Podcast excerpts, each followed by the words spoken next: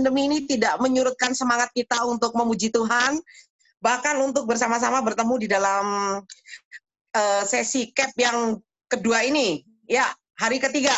Ya, oleh karena itu di mana pun kita berada, saya percaya bahwa ada gerakan Roh Allah di tengah-tengah kita. Ada yang mungkin lagi ada di Tabanan, di Negara, di Denpasar, saya di Jimbaran, tapi ada gerakan Roh Allah di mana-mana ya yang saat ini mari kita bersama-sama menaikkan pujian. Kita mau goyang boleh tepuk tangan boleh ikut nyanyi semua ya. Oke.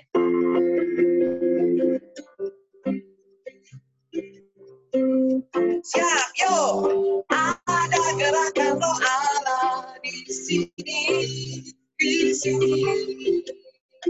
Ada gerakan roh Allah di sini di timur, di barat, utara, dan selatan. Ada gerakan roh Allah, ada gerakan roh Allah. Yo, ada gerakan roh Allah di sini. Sekali lagi ya, semangat. Yo, ada gerakan Allah. Di mana? Di sini, di sini ada gerakan roh Allah. Di sini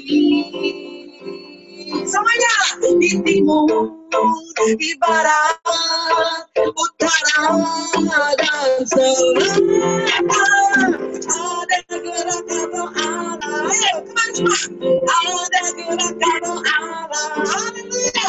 Ada gerakan roh Allah sini.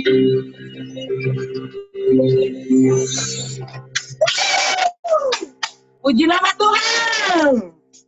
Kita saat ini mulai mau duduk tenang, ada saatnya kita bersuka cita, tapi ada saatnya kita mau duduk diam untuk mendengarkan Tuhan. Kita mengundang Roh Kudus untuk hadir di tengah-tengah kita. Kita undang rohnya yang hidup untuk senantiasa menerangi hati kita. Terutama saat ini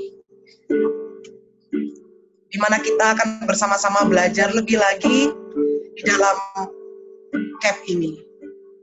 Mari kita mau buat ada kemenangan yang Tuhan sudah beri bagi kita semua. Dalam nama Bapa, Putra, dan Roh Kudus. Amin. Tuhan Yesus kami bersyukur, terima kasih. Dalam hari ini kembali Tuhan kami dipersatukan bersama-sama di dalam pertemuan untuk belajar bersama-sama Tuhan dalam cap ini. Biarlah roh kudusmu saat ini boleh senantiasa membuka mata hati dan pikiran kami, menyertai kami Tuhan dari awal pertengahan ke akhir dari kursus evangelisasi kami pada malam hari ini kami juga mau berdoa bagi uh, Bapak Aditya yang akan membawakan sesi pengajaran pada hari ini. Biar langkau sendiri yang mengurapi dia Tuhan. Biar langkau sendiri yang memimpin dia mulut tidak dan bibirnya untuk dia boleh mengajar kami. Sehingga kami boleh pergi dan diutus lebih banyak lagi Tuhan untuk menjangkau banyak jiwa-jiwa yang masih belum mengenal Engkau yang masih belum merasakan kasih-Mu Terima kasih Tuhan Yesus. Biarlah melalui pujian ini boleh menjadi doa kami, boleh menjadi surat cinta kami Tuhan kepadamu, kerinduan kami. Ya roh Allah yang hidup, biarlah engkau boleh senantiasa hadir tengah-tengah kami.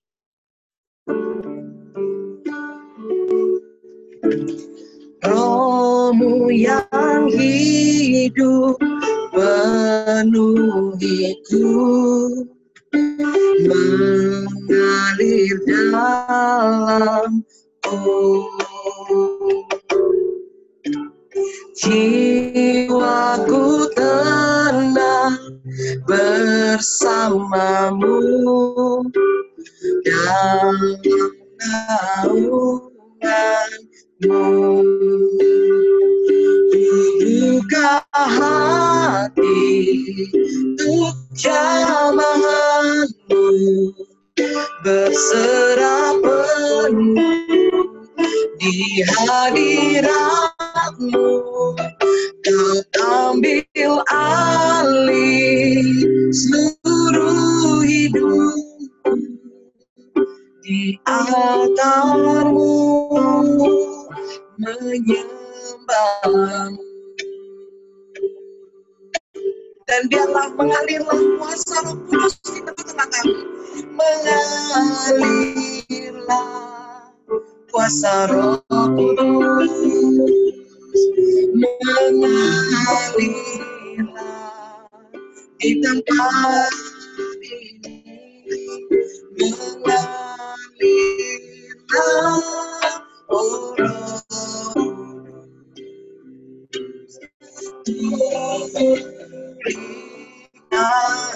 mengalirlah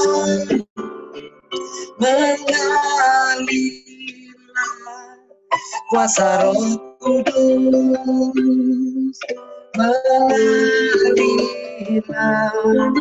di tempat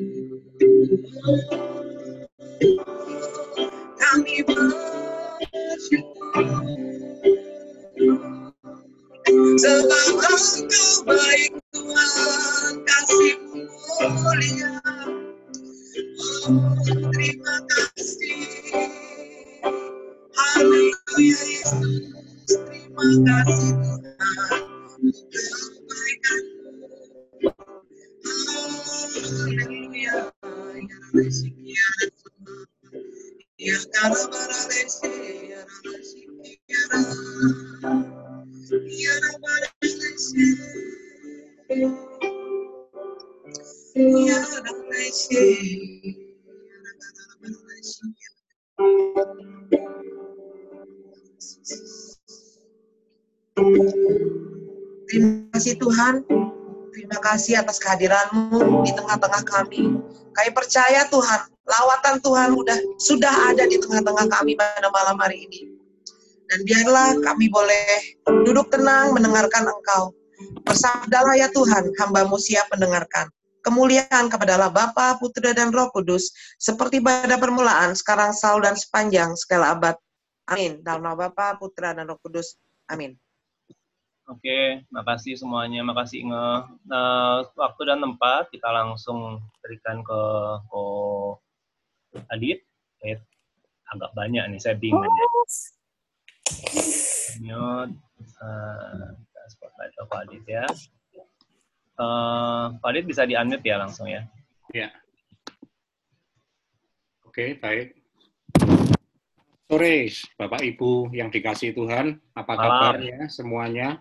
Di Bali wes malam loh. Oh, Bali udah malam ya, kalau di Semarang masih sore. Kita beda zona waktu. Baik, ini ada berapa peserta nih, Bapak Ibu sekalian? Jumlahnya, Pak Ari ada berapa orang ya pesertanya ya? Eh, sekarang 28 loh. Seharusnya 28. eh, 30. Ini ada dua yang tidak hadir. Oh, ada dua tidak ada 28. Dari paroki mana saja nih pesertanya? Hmm, kalau yang kemarin ikut CAP, tiga-tiganya itu semua masing-masing ada wakil. Kan kau ikut mengajar juga dari Monang Maning, eh, ada Mhm. dua. Apa? Dari Tabanan ada dua. Dari Iya. Gianyar ada tiga. Sisanya eh, dari sebenarnya 30 total. 23 itu adalah para pengajar eh, SADRK di. BPK. Ya, SADR di BPK Denpasar. Iya. Banyak. Baik, berarti sebagian besar Bapak Ibu di sini udah ada pengalaman untuk membawakan sesi SHDR begitu ya? Ya, baik. Eh, kemarin yang dari sesi pertama yang membawakan siapa? Teman-teman kemarin. Eh, seperti biasa ya, kalau ini nanti unmute sendiri ngomong gitu ya, jadi supaya nggak Ya. saling tumpang tindih kita mute semua, tapi kalau ada pertanyaan mau jawab, jawab Ya. aja ya teman-teman. Kemarin Baik, silakan saja. Kalau kemarin yang bab satu sudah dibawakan oleh siapa teman-teman kemarin? Vincent. Oh, Pak Vincent ya, baik. Jadi sebetulnya untuk mengantar kemarin teman-teman sudah bersama-sama melihat bagaimana CAP itu mengundang kita untuk terlibat menjadi pewarta kabar gembira. Maka sesi yang kedua ini, bab dua, adalah pendalaman dari sesi yang pertama. Mungkin kemarin Pak Vincent sudah memberi banyak ilustrasi pada teman-teman sekalian. Ah, kira-kira uh, dari pertama kemarin dan juga pengalaman Bapak Ibu, teman-temanku, mungkin ada yang mau share satu dua orang di sini kesan selama ikut CAP atau buahnya setelah ikut CAP apa? Karena saya kayaknya ke Bali udah dua kali. CAP pertama itu Gianyar, Monang Maning, dan Tabanan. Lalu yang kedua saya ke Gianyar lagi. Jadi sudah pernah dua kali ke Bali. Mungkin ada satu dua orang di sini yang mau share pengalaman buah setelah ikut CAP. Ini saya tidak bisa melihat namanya, mungkin ada yang bisa. Nah, mungkin Pak Nikolaus Suyase, ada yang bisa disiaringkan Pak, buahnya bagaimana setelah Bapak ikut CAP?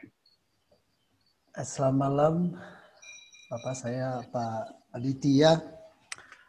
Kalau ditanya buahnya susah ya. Nah, Pertama, yang dulu motivasi saya ikut CAP adalah ingin apa ya, uh, mencoba memahami lebih banyak tentang diri saya sendiri sebagai orang Katolik. Jadi selama ini ceritanya ya Katolik seperti apa ya, uh, sesuai dengan kalender liturgi kurang lebih begitu. Ya. Lalu kemudian uh, CAP dengan ya pengajarnya luar biasa menurut saya paling tidak untuk diri saya sendiri walaupun saya belum barangkali belum bisa menjadi pewarta yang baik tetapi paling tidak untuk diri saya sendiri saya lebih memahami siapa saya posisi saya dan kewajiban saya di dalam kehidupan gereja sebagai salah satu orang Katolik hmm.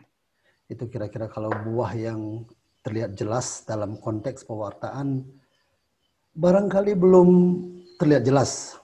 Begitu sementara yang saya lakukan sementara hanya baru mencoba membangun komunitas kecil kami di sebagai bagian dari Kita Tabanan di sebuah stasi. Dan mudah-mudahan secara tidak begitu nyata tetapi bisa memberikan motivasi dan kekuatan bagi teman-teman di paling tidak di komunitas kecil saya. Ya. Itu kira-kira Pak Titi. Kalau disimpulkan Pak Nikolos sudah lebih ada kesadaran sebagai umat Katolik untuk mau berkomunitas dan berbagi kabar gembira begitu ya Pak kira-kira ya. Puji Tuhan seperti itu Pak. Ya. ya. Baik, terima kasih Pak Nikolaus. Mungkin yang lain ada yang mau membagikan, mungkin Bu Linda ada yang mau disiaringkan setelah ikut CAP apa yang Ibu dapatkan mungkin. Ya, bisa di-unmute. Ya, baik kemarin saya sudah share bahwa saya itu ikut cap itu sampai tiga kali, Pak.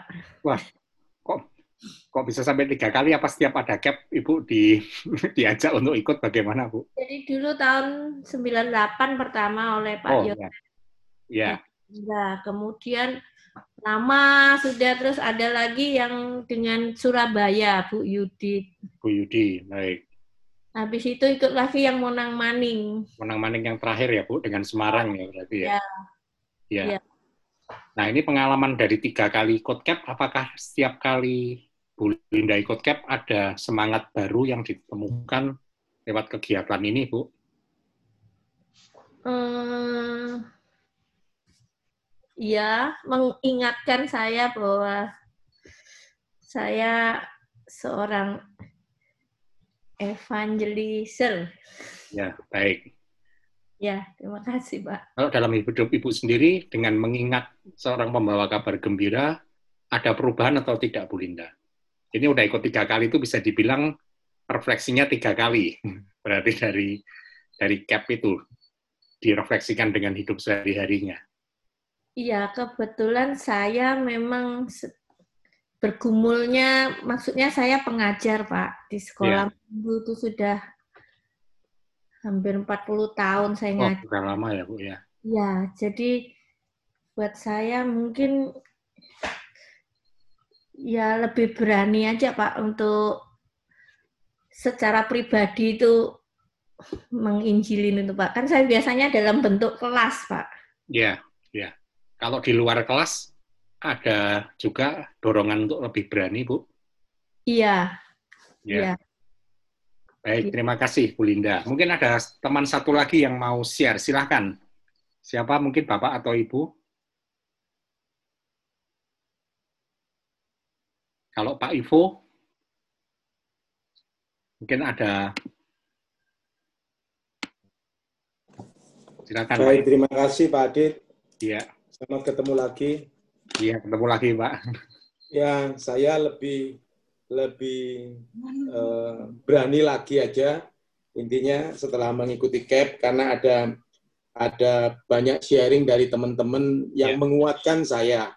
Yeah. Jadi uh, yang dulu ada ada keraguan-keraguan yang macam-macam, tapi setelah mengikuti CAT ada kekuatan. Ternyata yang uh, ya seperti saya, apa adanya, tidak bisa apa-apa, tetapi kalau Tuhan yang nyuruh, itu dimampukan. Itu Pak Adit. Ya, baik. Terima kasih Pak Ivo. Baik, teman-teman, Bapak Ibu sekalian, kira-kira kita bisa melihat bahwa CAP itu uh, sedikit atau banyak merubah dan mempengaruhi hidup kita cara kita memandang kehidupan berbeda, cara kita menghidupi iman kita ada perubahan. Kemudian kita lebih berani bersaksi juga. Dan kalau saya lihat Bapak Ibu tadi informasi dari Bro Ari, udah banyak yang jadi pengajar SHDR, artinya Bapak Ibu sudah jadi pewarta. Maka sebetulnya kursus evangelisasi pribadi yang sudah kita alami bersama, itu adalah sebuah proses perubahan hidup.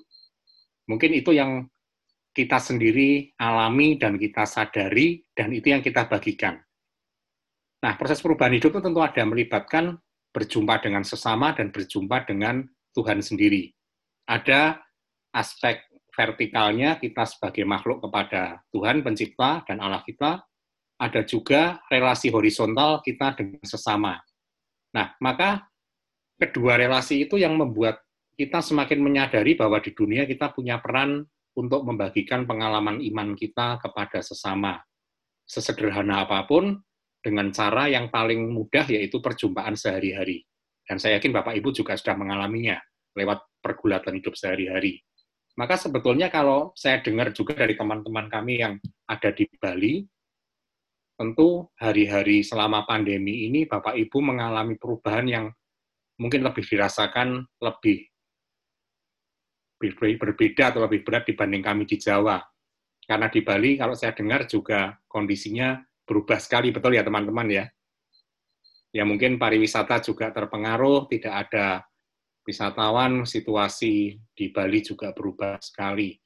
Maka dari pengalaman iman, pengalaman hidup, tentu kita menemukan sesuatu bahkan di tengah krisis pun apakah kita juga masih bisa bersuka cita. Mungkin ada satu dua yang mewakili di sini. Pak Robi mungkin menemukan apa Pak selama pandemi ini? Silakan Pak Robi, mungkin disiarkan sedikit saja. Selamat malam Pak Aditya. Malam Pak Robi, ya. Teman-teman, ya selama pandemi ini ya kehidupan ya turun Pak Aditya. Iya. Jadi kerjaan sehari masuk, sehari off. Ya. Gaji hanya diberikan 25 persen. Ya. Tetapi rupanya banyak teman-teman yang juga membantu. Jadi di tengah-tengah off itu saya bisa menemukan komunitas-komunitas baru, Pak Aditya. Ya. Baik. Artinya dari teman-teman yang membantu memberikan barang, entah itu masker, entah itu lampu yang bisa saya jual, akhirnya saya kenal orang-orang baru. Ya. Di sana saya bisa sharing, bisa membagikan pergulatan hidup saya selama ini. Puji Tuhan, Pak Aditya, ya tanggungan rumah ya meskipun tertatih-tatih masih bisa lolos mulai bulan April sampai bulan ini. Ya. Gitu. Dan saya temukan ya ada teman-teman baru yang saling menguatkan, saya bisa cerita, yeah. bisa mendengar juga pengalaman-pengalaman mereka di tengah pandemi ini. Yeah. Apakah Pak Robi juga lebih merasakan penyertaan Tuhan dalam hidup Anda justru pada saat pandemi ini? Iya, Pak Adiat. Yes. Pak Aditya, betul. Ya. Baik. Baik, terima kasih Pak Robi untuk sharingnya. Mungkin satu lagi nih yang mau sharing selama masa pandemi, mungkin ada yang bisa membagikan lagi. Mungkin saudari Aileen, ini yang mewakili orang-orang muda ini mungkin boleh bisa disampaikan. Silahkan. Sis Aileen. Ya, halo. Ya, mungkin bisa disampaikan pengalaman Anda selama masa pandemi. Biasa orang muda kan aktif kehidupannya, banyak aktivitas, tapi sekarang mungkin sempat juga di lockdown, yeah, tinggal di rumah. Kalau ketemu sama teman hanya lewat alat komunikasi saja. Apa yang Anda temukan yeah, selama masa ini?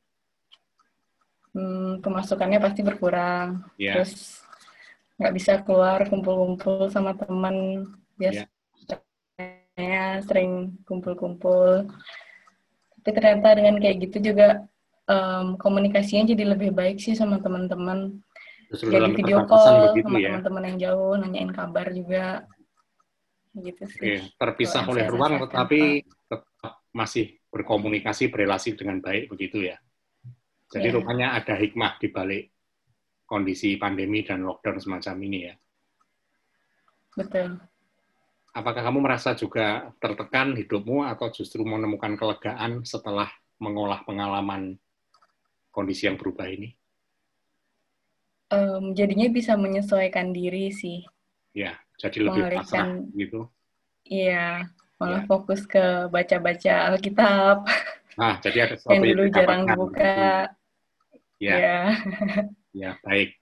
Terima kasih, Aileen. Baik, teman-teman. Jadi kalau kita lihat bahwa dalam situasi yang sepertinya begitu sulit pun ternyata kita masih bisa menemukan Allah yang bekerja di situ. Dan itulah kabar. Maka kalau dulu dalam pelajaran-pelajaran di CAP, kita belajar juga tentang kerajaan Allah, bagaimana kerajaan Allah itu tidak dibatasi oleh kondisi fisik. Kita pun sekarang juga merasakan secara fisik kita sangat terbatas. Tadi Pak Robi bilang kerja sehari masuk, sehari off. Tapi ternyata justru di tengah kondisi yang terbatas menemukan teman-teman baru saling mendukung. Kemudian juga tadi sudah diceritakan dari Airin juga terbatas, tetapi justru relasi dengan teman terbangun. Ada waktu untuk belajar, belajar sabda Tuhan. Maka teman-teman, kalau kita membagikan evangelisasi, kita bukan membagikan tentang suatu teori atau tentang pengetahuan keagamaan. Tetapi evangelisasi adalah sesuatu yang nyata, yang kita alami, kabar gembira di tengah pandemi ini pun sebetulnya justru menjadi sumber evangelisasi yang sangat mengubah hidup kita. Walaupun kita sadar bahwa pasti penghasilan kita berkurang, bisnis kita mungkin juga agak terganggu, lalu kemudian tidak bisa berjumpa dengan teman-teman relasi, tetapi ada cara-cara baru. Contohnya malam hari ini saya tidak terbang ke Bali untuk berjumpa dengan Anda dalam training, tetapi justru dari ruangan di rumah kita masing-masing. Ya ini kita mensyukuri dalam keterbatasan kita berjumpa, lihat layar saja, tetapi saya bisa melihat wajah Anda juga tidak ada yang kayak wajah orang susah, semuanya bersuka cita. Walaupun kita sadar ada pergumulan. Maka teman-teman, saya pun juga selama tiga bulan tidak ada aktivitas CAP dan SEP di Semarang juga terhenti. Kami libur, ini berarti kan sudah lima bulan kita bisa dibilang bekerjanya ya work from home, work from office, berselang-seling. Kami pun juga mengalami seperti itu. Kegiatan CAP di Semarang terhenti yang sudah terlanjur jalan akhirnya dilanjutkan lewat online. Sudah jalan sekian bab, berlanjut lewat online. Namun yang saya dapatkan apa teman-teman? Anda yang di Bali maupun kami yang di Semarang justru mengalami di tengah keterbatasan kami merasakan ada mujizat. Mujizat itu apa? Ada yang pekerjaannya terhenti, tapi justru seorang peserta SEP di Semarang menceritakan, saya belum pernah bersyukur seperti saat ini sebelumnya dikasih pekerjaan semuanya lancar, rasanya biasa saja. Tadi kalau yang Pak Nikolas katakan, kita tuh jadi orang Katolik liturgis, jadi mengikuti hari-hari gereja, begitu saja datang, ada perayaan, hari raya, Prapaskah, Advent, berputar lagi.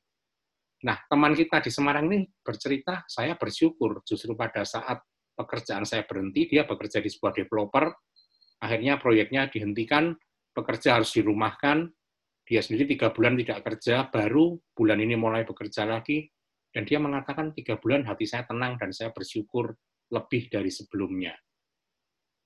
Sebuah ironis, teman-teman. Ini sebuah paradoks. Tetapi kalau kita melihat dan mau merenungkan, sebetulnya Anda dan saya semua selama pandemi itu justru merasakan Allah yang dekat dengan kita. Walaupun kita mungkin kehilangan ada kenalan, ada relasi yang mungkin menjadi korban dari wabah, mereka yang meninggal. Kita juga mengalami keprihatinan karena tenaga medis pun juga ternyata terjangkit, bahkan kehilangan nyawa mereka. Perekonomian seluruh dunia sempat stop. Namun di balik itu, justru terjadi solidaritas di tengah masyarakat. Saling membantu, saling menolong, yang tadinya tidak kenal jadi kenal. Saya pun juga mengalami di tengah pandemi tiba-tiba ada relasi yang lama sudah tidak ketemu saling kontak lagi. Kemudian ya saling menanyakan kabar. Ada bisnis baru apa? Yang tadinya jualan, kalau saya kan bidangnya di bidang elektrik begitu ya. Tiba-tiba yang sekarang jualan lampu untuk antivirus, lampu ultraviolet. Jadi jualannya berubah. Mungkin tadi Pak Robi bilang jadi jualan masker. Teman kami yang bekerja di sebuah perusahaan konveksi membuat baju pengaman diri, baju pelindung diri membuat menjahit masker.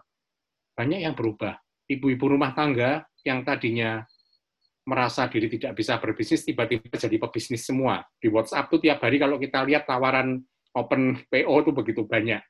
Mulai dari asinan, ada rujak, ada puding. Ternyata para ibu itu justru menjadi pebisnis di tengah krisis. Mereka jadi kreatif.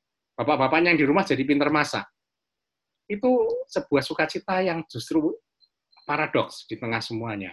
Tapi teman-teman, yang kita alami ini adalah Allah yang berkarya dalam hidup kita. Kita dipojokkan dalam situasi yang terjepit, kita masih hidup, kita berusaha bersyukur dalam kondisi itu, dan itulah kabar gembira. Sebetulnya kerajaan Allah yang kita doakan setiap hari dalam doa Bapa kami, datanglah kerajaanmu, apakah teman-teman yakin kalau sungguh datang, kalau yang yakin silakan angkat tangannya. Ya, saya melihat banyak tangan terangkat di sini. Artinya sebetulnya kerajaan Allah itu ada di tengah kita, di tengah keterbatasan. Dan itu yang mau kita wartakan sebagai pengajar CAP. Maka teman-temanku di sini, para alumni CAP dan para pengajar SDR, Anda setelah ini akan diutus untuk mengajar dalam kursus evangelisasi pribadi. Yang kita bawa adalah Allah yang bekerja dalam hidup kita. Yang kita bagikan. Maka mari kita akan masuk materinya. Saya akan coba share screen kami. Iya.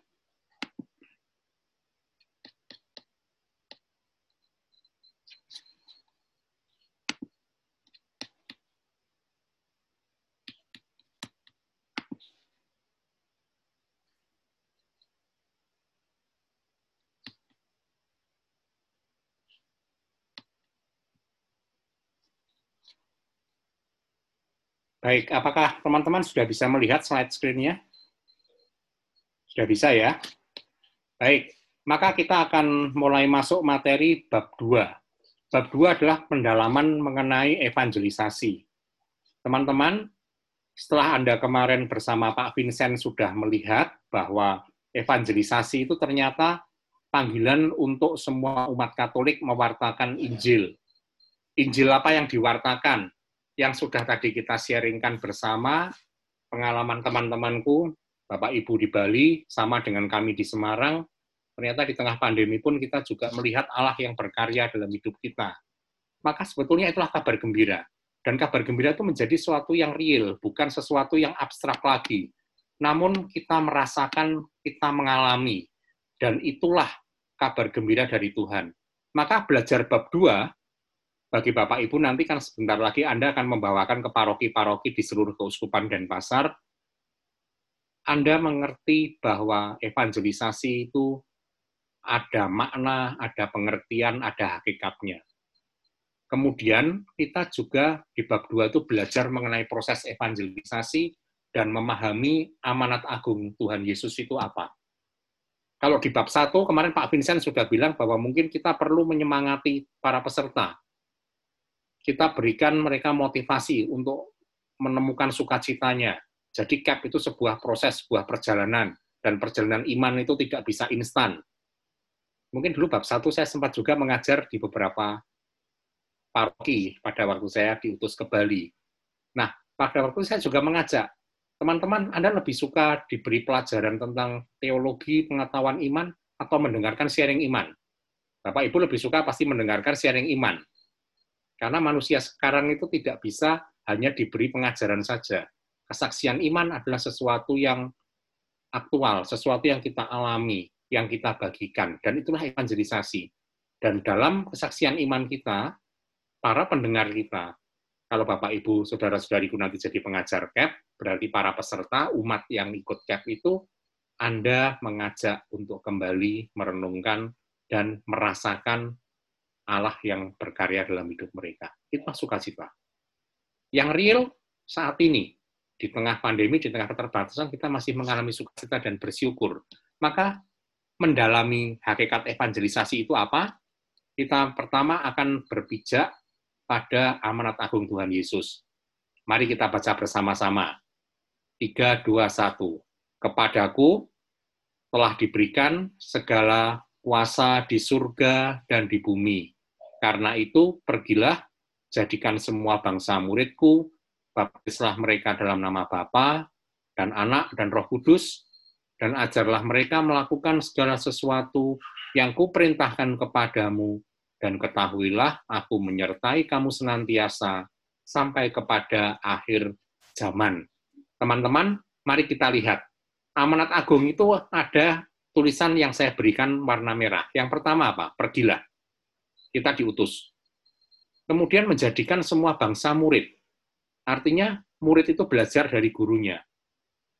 Kita lebih dulu menjadi murid, kemudian kita memuridkan sesama kita, mengajak mereka belajar dari Yesus. Maka sebetulnya kalau kita mengingat sabda Tuhan, salah satunya di Matius bab 6, datanglah padaku yang letih lesu dan berbeban berat. Saat ini kita masih merasakan berbeban berat akibat pandemi. Kemudian apa dari sabda Tuhan itu? Datanglah padaku yang lesu dan berbeban berat, aku akan memberikan kelegaan kepadamu. Kemudian belajarlah daripadaku karena aku lemah lembut dan rendah hati, dan jiwamu akan mendapat ketenangan. Lalu kemudian pakailah kuk yang kupasang, karena kuku enak dan bebanku ringan. Amin, teman-teman. Kita dipanggil untuk belajar dengan dari Yesus, bahkan di tengah beban hidup sekalipun. Maka kalau kita menjadikan murid, sesama kita mengajak menjadi murid, apakah kita sendiri sudah jadi murid Tuhan? Pertanyaannya itu. Sudah, lewat apa? Lewat peristiwa hidup sehari-hari, lewat pandemi, kita menyadari ternyata ada teman-teman yang sungguh memperhatikan kita, yang saling mendukung, yang mengasihi kita, saling menyemangati, saling mendoakan. Kita bisa berjumpa walaupun terbatas lewat uh, media online semacam ini. Tetapi itulah, kita tetap bisa diutus untuk mewartakan kabar gembira. Teman-teman, apakah di Bali juga ada PD online? Anda berkumpul dalam PD atau komsel online? Saya yakin ada ya. Artinya kita tetap bisa berkumpul, mewartakan Tuhan. Dan kemudian mengajar mereka melakukan yang diperintahkan Tuhan Yesus. Maka teman-temanku, Bapak Ibu sekalian, menjalankan amanat agung Tuhan Yesus sebetulnya adalah kewajiban atau perutusan kita semua sebagai orang Katolik, sebagai murid Kristus. Dari amanat agung ini, di bab 2, ada sabda Tuhan yang mengatakan waktunya telah genap. Kerajaan Allah sudah dekat. Bertobatlah dan percayalah kepada Injil. Bapak Ibu, saudara-saudariku, coba ambil waktu sejenak. Apakah Anda yakin bahwa kerajaan Allah sudah dekat? Kalau memang yakin, anggukkan kepala Anda. Yakin, Bapak Ibu? Ya, Anda sudah merasakanlah, merasakannya. Maka bertobatlah dan percayalah kepada Injil. Pada awal pandemi, siapa dari antara kita yang bisa menyangka bahwa hari ini kita masih hidup, masih bisa berkarya walaupun dalam keterbatasan, dan bisa berbagi. Banyak kita yang mungkin membayangkan pandemi ini akan lebih parah daripada krisis 98 atau krisis 2008. Sebetulnya, apakah lebih parah atau tidak, itu bagaimana tergantung hati kita. Kalau hati kita mengalami pertobatan, mengalami cara pandang yang baru, justru di tengah pandemi kita menemukan Allah yang berkarya luar biasa. Mungkin kemarin Pak Vincent juga sudah cerita, bagaimana usahanya juga harus berhenti, akhirnya harus membuat baju untuk uh, baju anti corona. Mungkin sudah sharing ya kemarin ya. Begitu banyak orang yang menemukan hal-hal yang mengejutkan. Teman-teman alumni CAP di Semarang juga mengatakan kami dapat mukjizat. Pekerjaan terhenti tapi kami menemukan sesuatu yang baru. Banyak juga yang justru memakai waktu untuk banyak belajar seperti Aileen itu. Baca kitab suci lebih banyak berdoa, anaknya yang tidak mau berdoa sekarang mau berdoa. Karena orang tuanya berdoa di rumah juga. Anak yang tidak mau baca kitab suci, baca kitab suci. Jadi ada sesuatu yang berubah. Itulah pertobatan, perubahan cara pandang. Dan kemudian percayalah kepada Injil, yaitu kabar baik dari Tuhan. Teman-teman, inilah dasar pewartaan sabda Tuhan di bab 2. Waktunya telah genap sekarang. Kerajaan Allah sudah dekat, sudah, kita sudah mengalaminya. Maka percayalah dan berubah cara berpikir kita. Nah, maka kita bisa melihat bahwa evangelisasi sebetulnya lebih dari sekedar mempertobatkan orang atau menjadi misionaris di antara orang-orang bukan Kristen. Tugas kita tidak mengkristenkan orang, karena yang memanggil menjadi murid Yesus adalah Tuhan sendiri. Seperti dalam sabdanya di kitab suci, bukan engkau yang memilih aku, tetapi aku yang memilih kamu, dan aku menyuruh engkau pergi untuk menghasilkan buah. Teman-teman, kita tidak bisa memaksa orang untuk menjadi murid Tuhan tetapi kita bisa bersaksi bagaimana Tuhan yang baik itu merubah hidup kita. Maka evangelisasi kalau dari segi etimologi atau asal-usul katanya, eu agilion, e itu baik, agilo mengabarkan kabar baik. Maka kalau saya tanya tadi di depan, bagaimana kabarnya teman-teman di Bali, Anda pasti menjawab, baik. Baik betul atau tidak? Nah, baik itu akan jadi sangat luas pada waktu di tengah keterbatasan justru kita menemukan Tuhan yang berkarya, kita menemukan keluarga kita menjadi lebih dekat, kita melihat bagaimana karyawan kita justru setelah krisis bekerja lebih giat. Saya menemukan seperti itu teman-teman. Pada tiga bulan tidak ada pekerjaan, kami kantor harus tutup, proyek harus tutup karena semua harus physical distancing, saya juga bergumul apakah saya masih bisa membayar gaji karyawan saya. Dan puji Tuhan, Tuhan menyediakan semuanya. Begitu tiga bulan lewat, setelah Maret, April, Mei, kemudian Juni sudah mulai kami masuk seminggu work from home, seminggu work from office, berselang-seling. Saya melihat ada sesuatu yang baru dari karyawan kami. Mereka bekerja lebih giat. Sepertinya seperti menemukan sesuatu, ada sesuatu yang disyukuri. Aku masih bisa bekerja, aku masih bisa menghidupi keluargaku. Dan saya juga merasakan inilah Tuhan yang berkarya. Maka saya tinggal meneguhkan mereka saja. Teman-temanku, kita kemarin tiga bulan nggak bisa bekerja, sekarang kita mau apa tiga bulan ke depan ini? Kita harus berjuang supaya kita masih bisa dapat penghasilan. Maka mulai, mereka mulai bergerak kembali, bekerja dengan lebih efisien, bahkan biasanya kalau sudah sore, yang satu hal yang kecil saja, kalau sudah sore pulang kantor, mereka sudah nutup WhatsApp mereka semua ditanya ada jawab. Di tengah-tengah krisis, WhatsApp mereka open sampai malam. Ditanya apa pun, jawab saya malam. Biasanya mereka seperti lari dari pekerjaan, sekarang justru mereka jadi lebih proaktif. Mereka lebih ada inisiatif. Pak, ini besok ada yang harus dilakukan ini. Jam 9 malam tiba-tiba WhatsApp saya berbunyi dan dari karyawan saya. Ternyata mereka lebih peduli, karena mereka tahu bahwa tiga bulan pada waktu kondisi semua orang di rumah, pasti semua orang berpikir, apa aku masih bisa menghidupi keluargaku. Dan Allah bekerja. Inilah kabar baik. Sebetulnya teman-teman, kesaksian hidup kita pada waktu kita menyemangati teman di komunitas, di paroki, di lingkungan, atau karyawan teman sekerja kita di perusahaan, kita juga mengabarkan kabar baik. Dan kabar baik itu saling menular. Tetapi yang khas dari pewartaan kabar gembira Kristen ada di Evangeli Nunsiandi artikel 18. Mari kita baca bersama-sama. 3, 2, 1. Setiap kegiatan yang berakar pada Kristus untuk menggalakkan perubahan kemanusiaan dari dalam dan memperbaharuinya. Inilah perubahan itu. Banyak dari kita justru melewati krisis ini kita menjadi kayak disegarkan, mengalami perubahan kemanusiaan dari dalam. Kita menjadi pribadi yang baru. Kita lebih percaya pada Kristus. Betul teman-teman? Setuju? Ya, kita menyadari Tuhan puji syukur aku masih hidup. Aku masih bisa bekerja keluargaku baik-baik saja. Terima kasih kemarin ada kerabat yang terkena COVID tapi sudah sembuh. Walaupun kita mungkin juga kehilangan teman-teman kita yang dipanggil pulang. Namun kita melihat bahwa inilah perubahan kemanusiaan. Kita menjadi pribadi yang lebih bersyukur.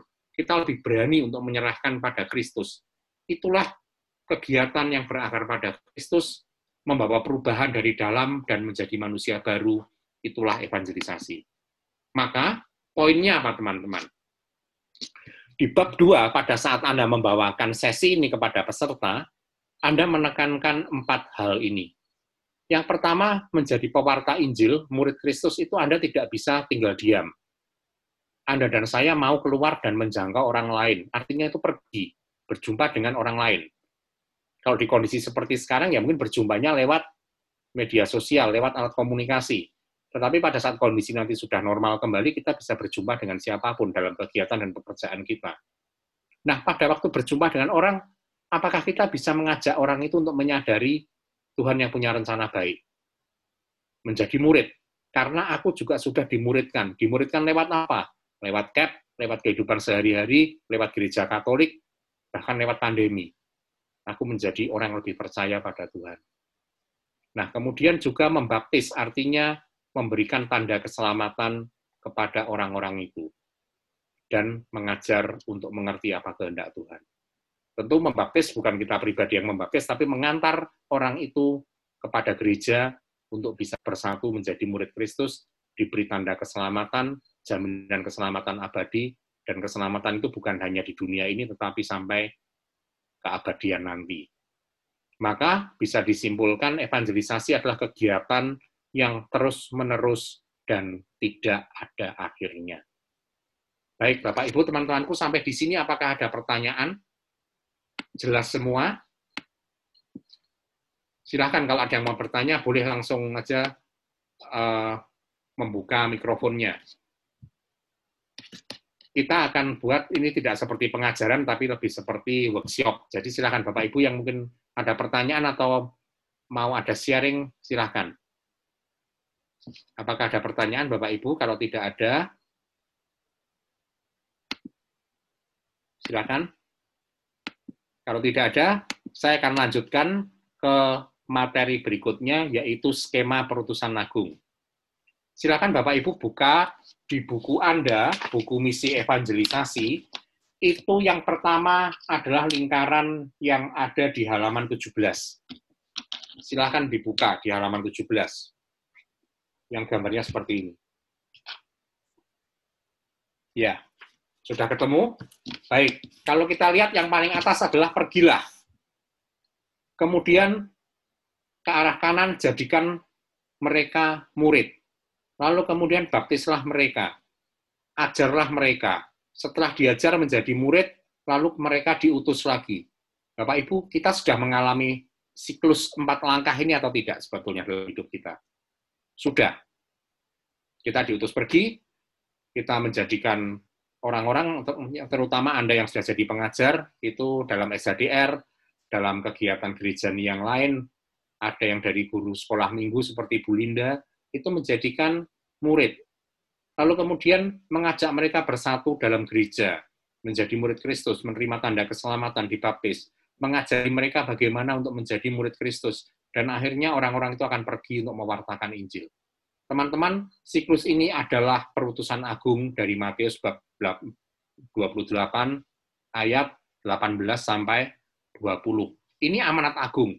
Terus pertanyaannya begini, kalau amanat agungnya Yesus seperti itu, itu adalah perutusan seluruh gereja Katolik. Amin, teman-teman. Amin ya. Artinya Anda dan saya diutus. Karena Anda dan saya sudah dibaptis dan menjadi murid Kristus. Nah, kalau ini adalah perutusan seluruh gereja, bagaimana aku melaksanakan perutusan ini setiap hari? Yang jadi pertanyaan itu, betul ya teman-teman? Kalau Anda dan saya hari ini diutus sama gereja oleh Tuhan, ayo sana wartakan Injil. Apa pertanyaan yang terlintas dalam pikiran kita pertama kali? Misalnya pastor yang mengutus, romo kita. Eh, kamu orang Katolik, pergilah wartakan Injil. Pertanyaan kita kepada Romo bagaimana kira-kira Bapak Ibu? Romo bagaimana caranya? Betul ya? Masa saya diutus terus bagaimana apa saya boleh membaptis mereka? Maka teman-teman, dari perutusan agung Tuhan Yesus yang ada empat langkah itu pergi menjadikan murid, membaptis dan mengajar. Kalau kita lanjutkan di halaman 18, Anda akan menemukan skema seperti ini, yang lingkarannya dua. Sudah ketemu? Lingkaran yang luar adalah amanat agung, betul Bapak Ibu, sama seperti slide yang ada di layar Anda. Pergi menjadikan semua bangsa murid, mengajar, membaptis. Nah, sekarang pertanyaannya, bagaimana saya melakukan itu ada di lingkaran yang di bawahnya. Lingkaran yang lebih kecil. Di situ kalau dilihat dibagi ada enam poin yang pertama adalah pemuritan. Pemuritan adalah semua orang Katolik menjadi murid Kristus, bukan hanya sekedar dibaptis menjadi anggota gereja, tetapi belajar dari Tuhan. Lalu yang kedua adalah lewat kesaksian dan cara hidup kita. Langkah kedua, kita sharing iman. Lalu kemudian yang ketiga kita mewartakan Injil. Apa mewartakan Injil? Mewartakan kabar gembira, janji Tuhan yang ada dalam kitab suci sabda Tuhan yang kita dengarkan. Setiap kali kita ikut misa, baik misa harian maupun misa mingguan, kita membaca kitab suci, itulah pewartaan Injil. Dan Injil itu kita bagikan kepada sesama. Eh, betul tidak kalau Tuhan itu baik? Misalnya begitu, kita berjumpa dengan. Lah baiknya bagaimana? Sekarang kita malah susah, tidak bisa bekerja. Bisnis juga pada cemas, semua orang stres sekarang. Nah, baiknya kesaksian Anda, kesaksian cara hidup kamu bisa tenang. Apa orang Katolik itu punya resep khusus? Ada. Resepnya apa? Percayalah kepada Injil, bertobatlah. Seperti tadi yang di depan. Waktunya telah genap, betul ya teman-teman ya? Waktunya telah genap, kerajaan Allah sudah dekat. Bertobatlah dan percayalah pada Injil. Aku sudah ngalami. Dalam tengah-tengah pandemi ini, aku bertobat melalui cara pandang yang baru. Dulu aku selalu meminta pada Tuhan. Sekarang aku belajar untuk bersyukur dalam keterbatasan, ternyata Tuhan memelihara aku, dan aku tetap bisa hidup dengan baik. Loh kok bisa begitu? Coba lihat di kitab suci. Bukankah Tuhan bersabda, engkau lebih berharga daripada bunga bakung di padang, daripada rumput-rumput itu, yang satu hari berkembang, sore hari menjadi layu. Betul ya teman-teman? Kemudian dibakar. Bahkan Salomo dalam segala kemegahannya tidak didandani seperti semaraknya bunga-bunga di padang. Terlebih kamu orang yang tidak percaya, Tuhan memeliharamu. Jangan cemas. Nah, orang yang mendengarkan pewartaan Injil akan berpikir, wah hebat ya orang Katolik punya Tuhan yang bisa mempunyai janji yang dipenuhi. Dan temanku ini betul-betul percaya, tidak putus asa. Maka kita akan bertanya, saudaraku, kalau engkau melihat hidupku di tengah pandemi ini tetap bersemangat, tetap optimis, karena Tuhan menepati janjinya, mau enggak kamu sekarang percaya kepada Tuhan, kamu sudah Katolik, sudah dibaptis, tapi tidak pernah merasakan, ayo merasakan. Tawaran komitmen pada Yesus. Kemudian teman kita yang tadinya tidak percaya akan bertanya, bro, sis, gimana cara aku? Mari belajar. Katekese. Diajak untuk belajar agama lagi. Diajak bertemu romo atau katekis. Kemudian diajak berkomunitas dalam lingkungan dalam komunitas sel atau mungkin ada persekutuan doa di paroki dan kemudian orang itu dimuridkan. Maka teman-teman kalau kita lihat dua lingkaran ini, lingkaran yang keluar adalah amanat agung Yesus. Lingkaran yang dalam adalah cara kita mewartakan Injil. Cara yang mewartakan Injil lima langkah itu ada dalam Evangeli Inunsiandi atau anjuran mewartakan Injil oleh Paus Paulus ke-6. Maka kalau kita lihat di halaman 18 paling bawah, teman-teman bisa lihat, ada keterangan Evangeli Nunsiandi dikeluarkan tahun 75 merupakan imbauan apostolik atau imbauan dari Paus Paulus ke-6 sebagai rangkuman sinode para uskup yang berlangsung tahun 74 mengenai pewartaan Injil. Pusat pewartaan Injil adalah warta pembebasan kita dibebaskan dari kecemasan. Teman-teman, kalau Anda sudah menemukan sukacita, bahkan di tengah masa pandemi ini, Anda berarti sudah menemukan pembebasan. Itulah warta pembebasan yang Anda alami, yang Anda rasakan. Maka Paus Paulus ke mengatakan Injil harus diwartakan bahkan di zaman modern ini. Nah, caranya bagaimana? Lewat lima langkah penginjilan. Itulah yang diturunkan dalam Evangelii Nunsiandi. Dan itu yang kita pelajari di CAP. Maka kalau ditanya CAP itu sebetulnya dasar dokumen gerejanya apa toh? Yang terutama adalah Evangelii Nunsiandi. Artinya Paus Paulus ke mengajak gereja mewartakan Injil bahkan di zaman sekarang. Evangelii Nunsiandi artinya mewartakan Injil di zaman sekarang. Zaman sekarang zaman kapan? Zaman tahun 75, ya. Zaman tahun 90-an, ya. Zaman tahun 2000-an, ya. Tahun 2020 masih berlangsung enggak Evangelis Nunsiandi, teman-teman? Masih. Di tengah pandemi COVID-19 yang belum jelas kapan ujungnya, apakah kita mewartakan Injil? Masih, karena Evangelis Nunsiandi masih sama. Dan Evangelis Nunsiandi diturunkan dari amanat agung Yesus, Matius bab 28 ayat 18 sampai 20. Sampai di sini ada pertanyaan, Bapak Ibu? Silakan. Karena ini intinya bab 2. Ada yang mau bertanya? Langsung saja.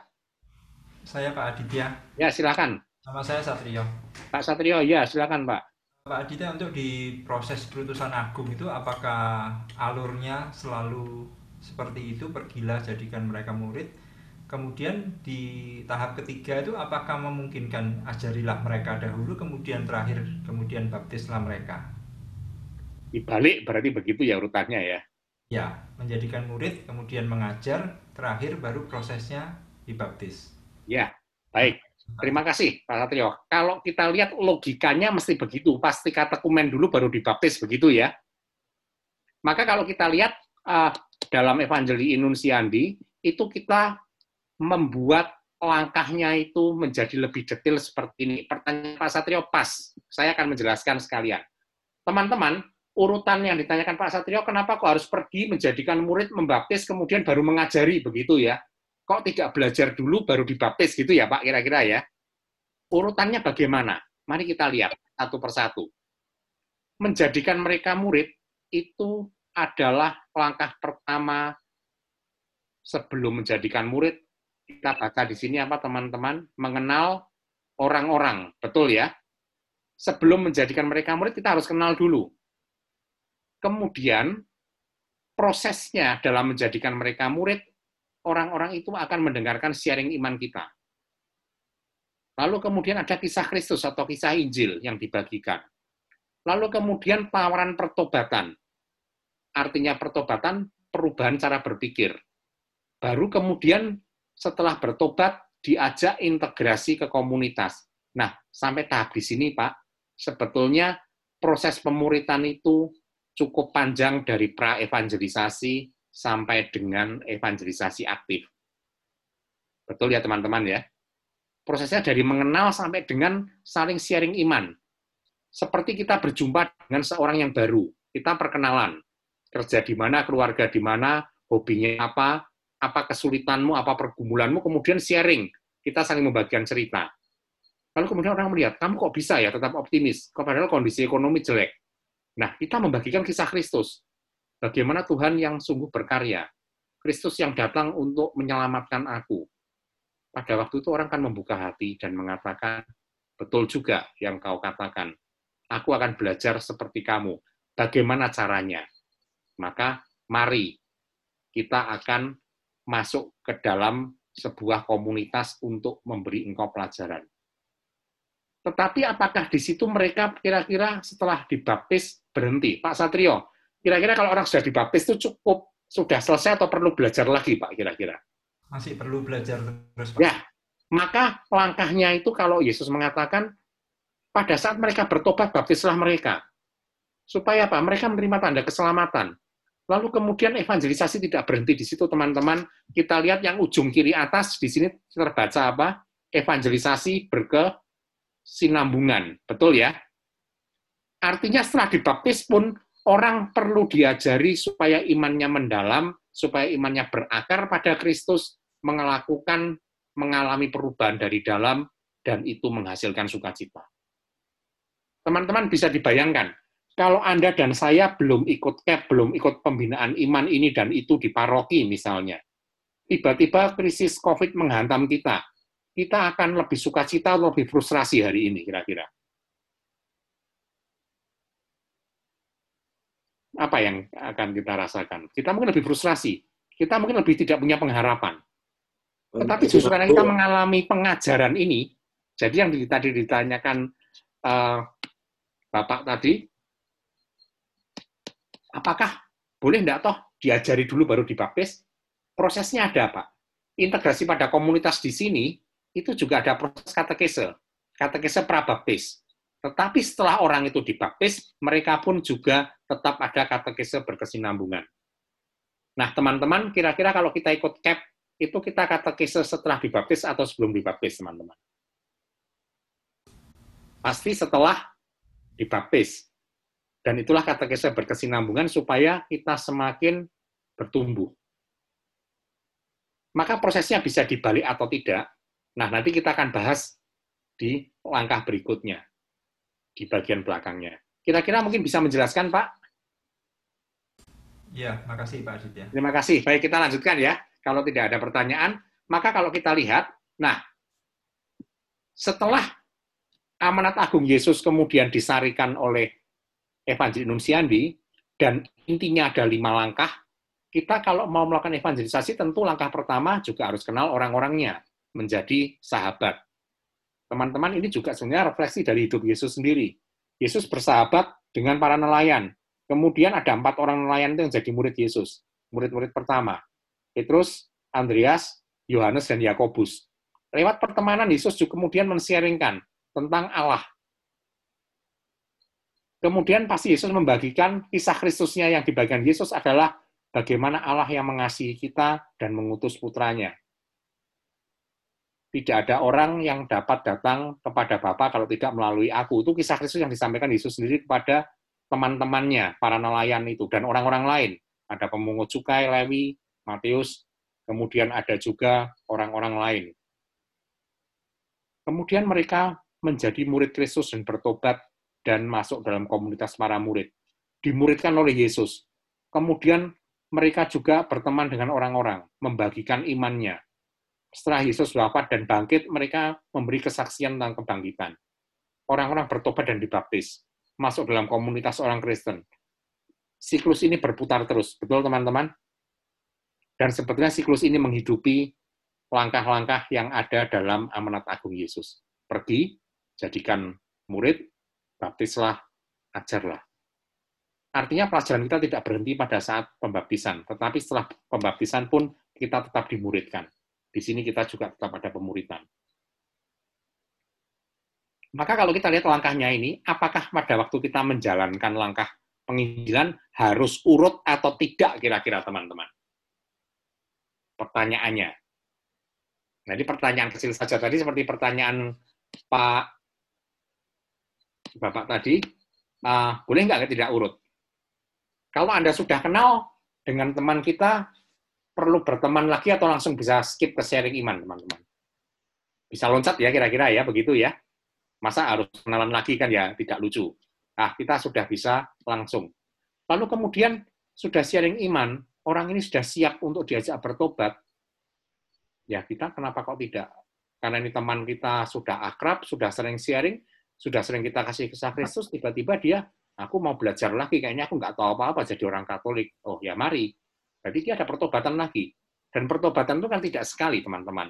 Tetapi merupakan proses yang berkelanjutan dan makin dalam. Kalau pertobatan itu juga makin dalam, integrasi dalam komunitas pun juga dinamis, artinya menjadi semakin terintegrasi pada komunitas. Artinya pemuritan kita prosesnya juga makin dalam. Jadi proses itu akan selalu berlanjut. Dan maka kenapa digambarkan sebagai sebuah lingkaran, karena proses ini semua berpusat pada Kristus dan tidak berakhir. Maka kalau kita ngajak orang, apakah harus urut? Kita lihat situasinya. Nanti kita akan pelajari di belakang. Kira-kira sampai di sini. Teman-teman, apakah lima langkah evangelisasi sudah bisa kita pahami? Kalau ada pertanyaan, silahkan. Kalau tidak ada pertanyaan, saya akan lanjutkan. Ya. Maka kalau kita kembalikan Evangeli Nunsiandi, kita melihat bahwa proses penginjilan itu orang yang menerima pewartaan Injil, kemudian juga mewarta pada orang lain. ini seperti pesan yang saling bersambung dari satu orang ke orang lain. Pada saat kita berjumpa lewat Zoom meeting ini, kita saling membagikan pengalaman iman kita. Anda sharing, saya mendengarkan, teman-teman mendengarkan, saya men-sharingkan, Anda mendengarkan, dan sebaliknya. Maka pewartaan Injil berpindah dari satu orang kepada orang lain. Orang yang sudah menerima pewartaan, dia mewartakan kepada orang lain maka orang yang menerima evangelisasi akan mengalami pertobatan atau perubahan cara berpikir dan cara hidup. Lalu kemudian begitu dia berintegrasi dalam komunitas, dia segera dimuridkan dan siap diutus. Contohnya yang jelas teman-teman sekalian, para alumni CAP di Bali. Anda sudah menghidupi sebagai orang Katolik, sudah aktif di paroki. Kemudian Anda ikut CAP, Anda diteguhkan lagi. Anda pasti mengalami pertobatan lebih dalam di situ. Kalau tadi dari sharing Anda, saya mendengar saya lebih menyadari bahwa saya harusnya membagikan kabar gembira.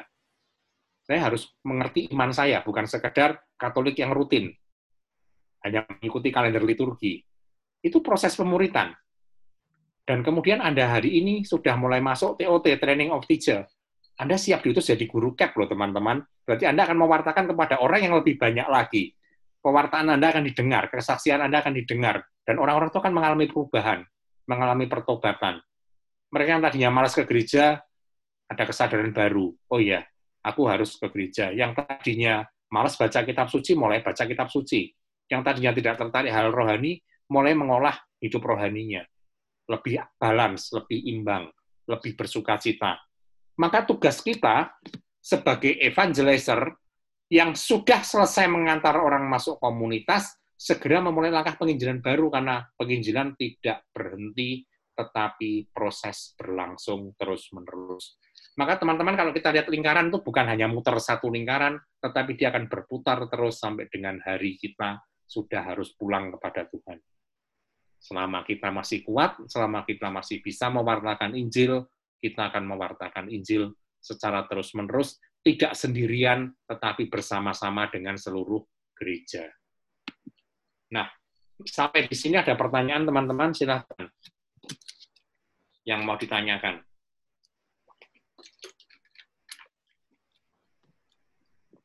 Baik. Kalau tidak ada pertanyaan, saya yang akan meneruskan langkah pertama, berteman dengan orang-orang. Kita akan mundur sejenak. Nah, lima langkah pemuritan. Langkah pertama adalah berteman dengan orang-orang. Artinya kita berjumpa karena evangelisasi adalah mewartakan kepada orang lain. Maka perjumpaan dengan orang lain itu adalah berteman. Bab 2, Bapak Ibu, teman-temanku, pada saat Anda mengajar bab 2, Anda sebetulnya mengenalkan pertama kali kepada para peserta CAP bahwa inilah cara evangelisasi Katolik. Sekarang saya mau bertanya sebelum berlanjut. Evangelisasi kalau sebelum kita ikut CAP, apa yang kita pikirkan kira-kira? Menginjili orang di jalan. Menginjili orang di jalan. Apalagi mungkin ada Bapak Ibu yang punya pengalaman. Jadi kayak salesman door to door masuk rumah orang. Ya. Hmm. Kita mungkin pernah didatangi juga. Ada saudara-saudari kita dari gereja tertentu yang sangat aktif begitu. Ya. Nah, evangelisasi menjadi bias, betul ya teman-teman ya. Kita melihat, oh evangelisasi itu kayak salesman, jualan Yesus, jualan gereja. Padahal sebetulnya evangelisasi mengalami Allah yang berkarya dalam hidupku dan aku bagian pada orang lain. Kalau saya sekarang berbeban berat, saya dengar ceritanya Pak Roh tadi, di tengah kesulitan, gaji cuma 25 kerja sekali masuk sekali off, kayaknya betul-betul desperate begitu ya. Tapi Pak Robi mengatakan, saya dibantu teman-teman, saya mendapat teman-teman baru, saya mendapat bisnis baru. Lah, ini kan pengalaman real kan teman-teman. Pak Robi tidak ngajak saya jadi orang Katolik, kalaupun saya bukan orang Katolik misalnya, tapi saya akan tanya, Pak Robi, rahasianya apa toh kok Anda bisa optimis? Oh ya, saya punya Yesus. Yesus itu ampuh. Saya akan bertanya begitu. Pak Robi akan sharing, betul ya? Tetapi kan itu lewat proses pertemanan dulu. Saya baru sadar Pak Robi itu ternyata pernah ikut CAP.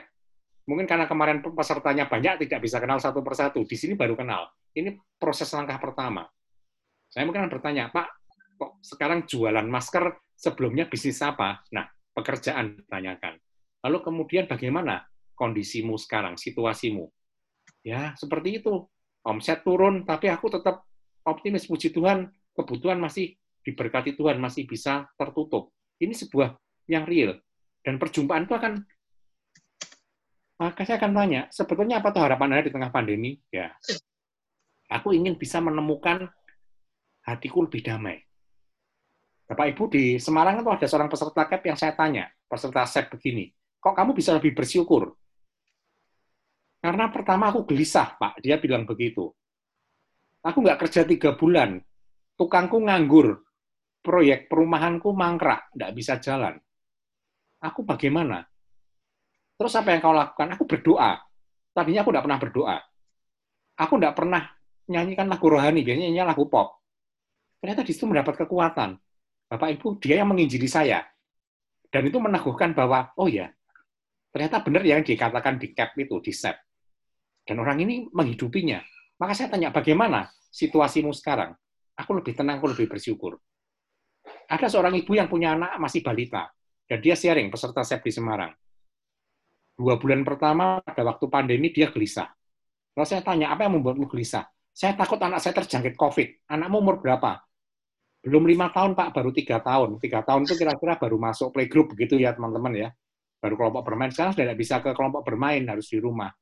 Loh kan berarti tidak mungkin ketularan. Ya, tapi saya takut kalau dia terjangkit dari mana begitu.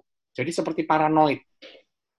Kemudian tiba-tiba di satu titik pada waktu dia begitu susah, dia mendengarkan sebuah lagu rohani di radio.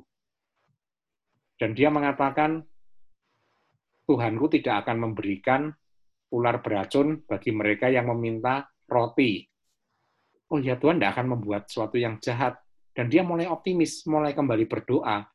Dan pada waktu SEP online mulai lagi, saya tanya, sekarang bagaimana keadaanmu? Pak, sejak hari itu saya dengar lagu yang meneguhkan saya, saya mulai baca lagi bacaan harian. Dan saya menemukan Tuhan itu janjinya kok ya tidak pernah bohong. Tiap hari saya diberi kecukupan, walaupun suami saya juga di kantor sehari off, sehari on. Otomatis gaji dipotong, takut di PHK. Tetapi ternyata sampai hari ini suami saya masih bekerja dan mulai aktif lagi kantornya. Dan saya hari ini hati saya tenang, karena Tuhan ternyata baik.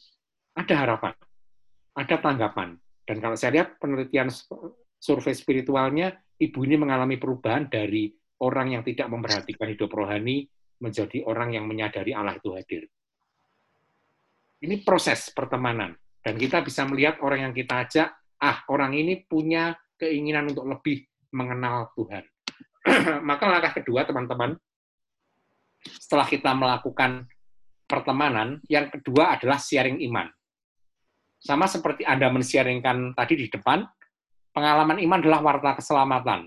Tuhan yang menyelamatkan di segala situasi. Kemudian yang kedua adalah bagaimana kuasa Tuhan bekerja dalam hidup kita. Teman-teman, mari kita tanya secara jujur kita semua yang ada di training ini. Kalau kita masih survive hari ini, apakah itu karena kita yang hebat, kita yang sakti, kita yang cerdas dan ahli, atau karena semata-mata hanya belas kasihan dan pertolongan Tuhan sebetulnya?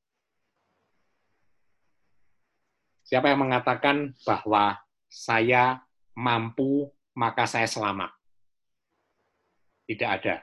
Siapa yang mau berani bersaksi bahwa saya hari ini masih bisa selamat melewati krisis karena Tuhan yang menolong? Ya, saya yakin Anda semua menyadari. Maka inilah sharing iman. Contoh bagaimana Allah yang bekerja sangat real di situasi saat ini, menjadi makin jelas. Mungkin pada waktu setahun yang lalu Anda ikut CAP, Anda masih banyak beban, pikiran, pekerjaan macam-macam, tidak sempat berpikir tentang hal ini. Kalaupun berpikir tidak jelas, pada saat terjadi pandemi justru kita melihat Allah berkuasa. Maka yang disiaringkan adalah karya Allah dalam hidup kita, bukan sebaliknya. Tujuannya apa, teman-teman? Ini yang harus digarisbawahi pada waktu Anda membawakan sesi 2 di CAP. Sharingmu adalah untuk membuat orang yang mendengarnya mau berbagi juga. Amin, teman-teman. Karena ini sharing bukan khotbah. Kalau Anda berkhotbah, Anda ngomong satu arah. Orang yang mendengarkan paham atau tidak paham, Anda jadi tidak tahu. Tetapi dalam sharing iman, saya bercerita dengan Bro Ari. Tadi sore saya sapa dia pakai WhatsApp, Bro Ari bagaimana kabarnya? Dia jawabnya puji Tuhan, berarti baik kondisinya. Kita saling bertukar kabar. Nah, saya mengatakan juga, wah, ini nanti sore kita mau online. Ya, mari kita siapkan. Teman-teman, bertukar kabar sederhana itu kita tahu bahwa sebetulnya apa yang kita bagikan yang baik itu juga akan memberikan timbal balik atau feedback orang lain menceritakan pengalaman imannya. Sharing iman adalah cerita tentang Allah yang berkarya. Maka setelah sharing iman, kita akan mengajak orang yang kita jumpai untuk mendengarkan pewartaan kabar keselamatan berdasarkan kitab suci.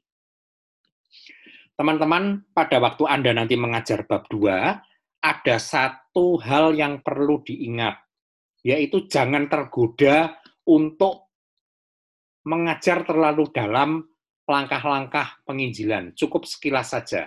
Bisa dipahami ya teman-teman ya. Karena nanti langkah ketiga itu ada di bab 7. Kalau di Kisah Kristus dan penyajian Injil. Teknik sharing ada di bab 6. Sharing iman. Jadi kita hanya memberikan pengantar saja. Ilustrasi kecil seperti tadi. Maka kalau Anda pas ngajar bab 2, ada baiknya Anda punya sharing kecil-kecil yang bisa dilontarkan. Seperti dulu waktu saya mengajar di paroki Anda, saya akan menanyakan satu dua orang apa sharing pengalaman imanmu hari ini tentang Tuhan yang baik. Biasa orang kan mengatakan saya bersyukur tadi pagi sudah mau flu, tidak bisa berangkat kerja, tetapi akhirnya saya bisa berangkat ke kantor dan flu saya lebih ringan sore ini bisa datang di camp. Itu sharing iman kecil. Kemudian orang yang sebelahnya mengatakan apa? Berkat dari Tuhan hari ini, hari ini aku bangun tidur dalam keadaan sehat. Anak-anakku studinya baik. Sharing iman kecil hanya sebatas itu saja di bab 2. Kita hanya menggugah kesadaran mereka bahwa sharing iman itu sederhana. Nah, kemudian dalam bab 3, kisah Kristus, teman-teman kalau mau memberikan ilustrasi, itu adalah dalam sharing iman kita selalu ada empat kebenaran pokok Injil. Apa itu? Kebenaran pokok Injil adalah kebenaran yang Tuhan bagikan pada kita di dalam kitab suci. Artinya, kita baca poin kedua bersama-sama. 3, 2, 1. Setiap peristiwa hidup dapat ditemukan kebenaran pokok Injil, yaitu empat kebenaran pokok. Maka Bapak Ibu, teman-temanku, pada saat Anda mengajar bab 2, cukup menjelaskan remaja tanggap saja. Apa toh itu remaja tanggap? Rencana Allah. Bapak Ibu, rencana Allah baik tidak dalam hidup kita? Anda lontarkan pertanyaan begitu. Baik, baik. Kita punya masalah tidak dalam hidup kita. Siapa di antara Anda, para peserta TOT ini yang tidak punya masalah? Silahkan angkat tangan.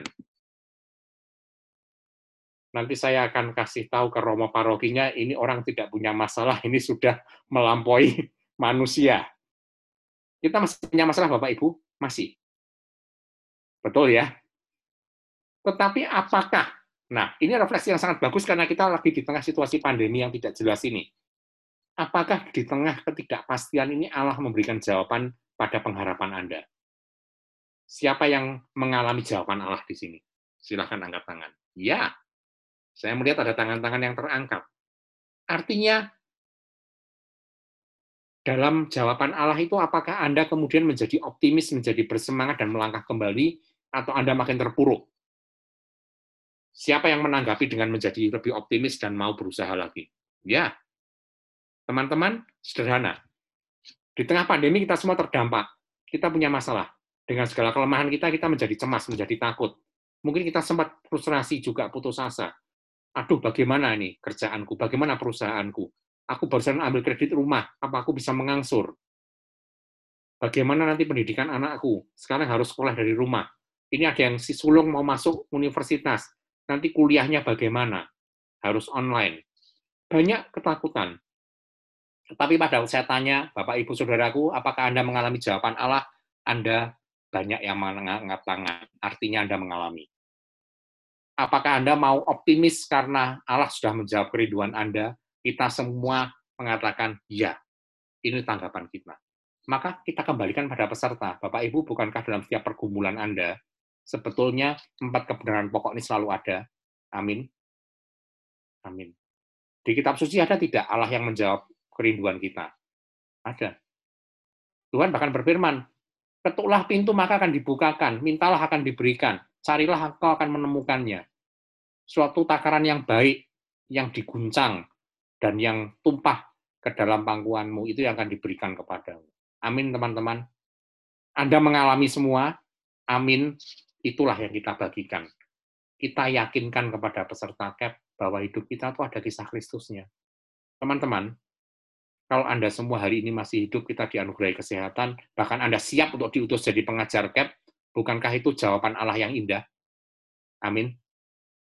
Bukankah kita menanggapi, ya Tuhan, aku mau kok mewartakan kabar gembira, aku siap diutus jadi pengajar camp. Teman-teman, Anda jadi pengajar camp, kira-kira tambah hidup Anda tambah santai atau tambah padat jadwalnya? Pasti tambah padat, betul ya teman-teman ya? Kok mau? Kok mau? Karena Anda sudah tidak bisa menahan lagi untuk tidak membagikan kabar gembira itu. Karena kabar gembira itu sudah meluap dalam hati Anda. Tuhan baik, Aku mau bersaksi pada Anda, para peserta CAP yang Anda layani nanti. Itulah tanggapan kita. Dan itulah Allah yang berkarya. Itulah kisah Kristus Anda dan saya. Maka kisah Kristus itu apa teman-teman? Kisah keselamatan kita. Dan itu di kitab suci ada tidak? Ada. Ada semua. Tuhan mengatakan tidak ada satu rambutmu pun akan lepas dari kepalamu tanpa sepengetahuanku. Hidupmu ada dalam tanganku. Betul, teman-teman? Betul. Dalam Mazmur mengatakan, ruang hidupmu ada dalam rongga mataku. Tuhan melihat semua hidup kita. Dan Tuhan menjaga kita. Dan Anda dan saya saksinya. Itulah kisah Kristus kita. Dan kalau dicocokkan di kitab suci, itu ada semua. Itulah empat kebenaran pokok. Maka Anda menjelaskan langkah ketiga hanya sampai di situ yakinkan peserta CAP, betul Bapak Ibu, bahwa rencana Allah ada dalam kitab suci yang baik untuk Anda, ada. Itu bukan kebetulan, tetapi Allah sungguh berkarya dalam hidupmu. Saya punya pengalaman pada waktu mengajar bab 2 di Batam, Bapak Ibu. Ini pengalaman yang sangat unik.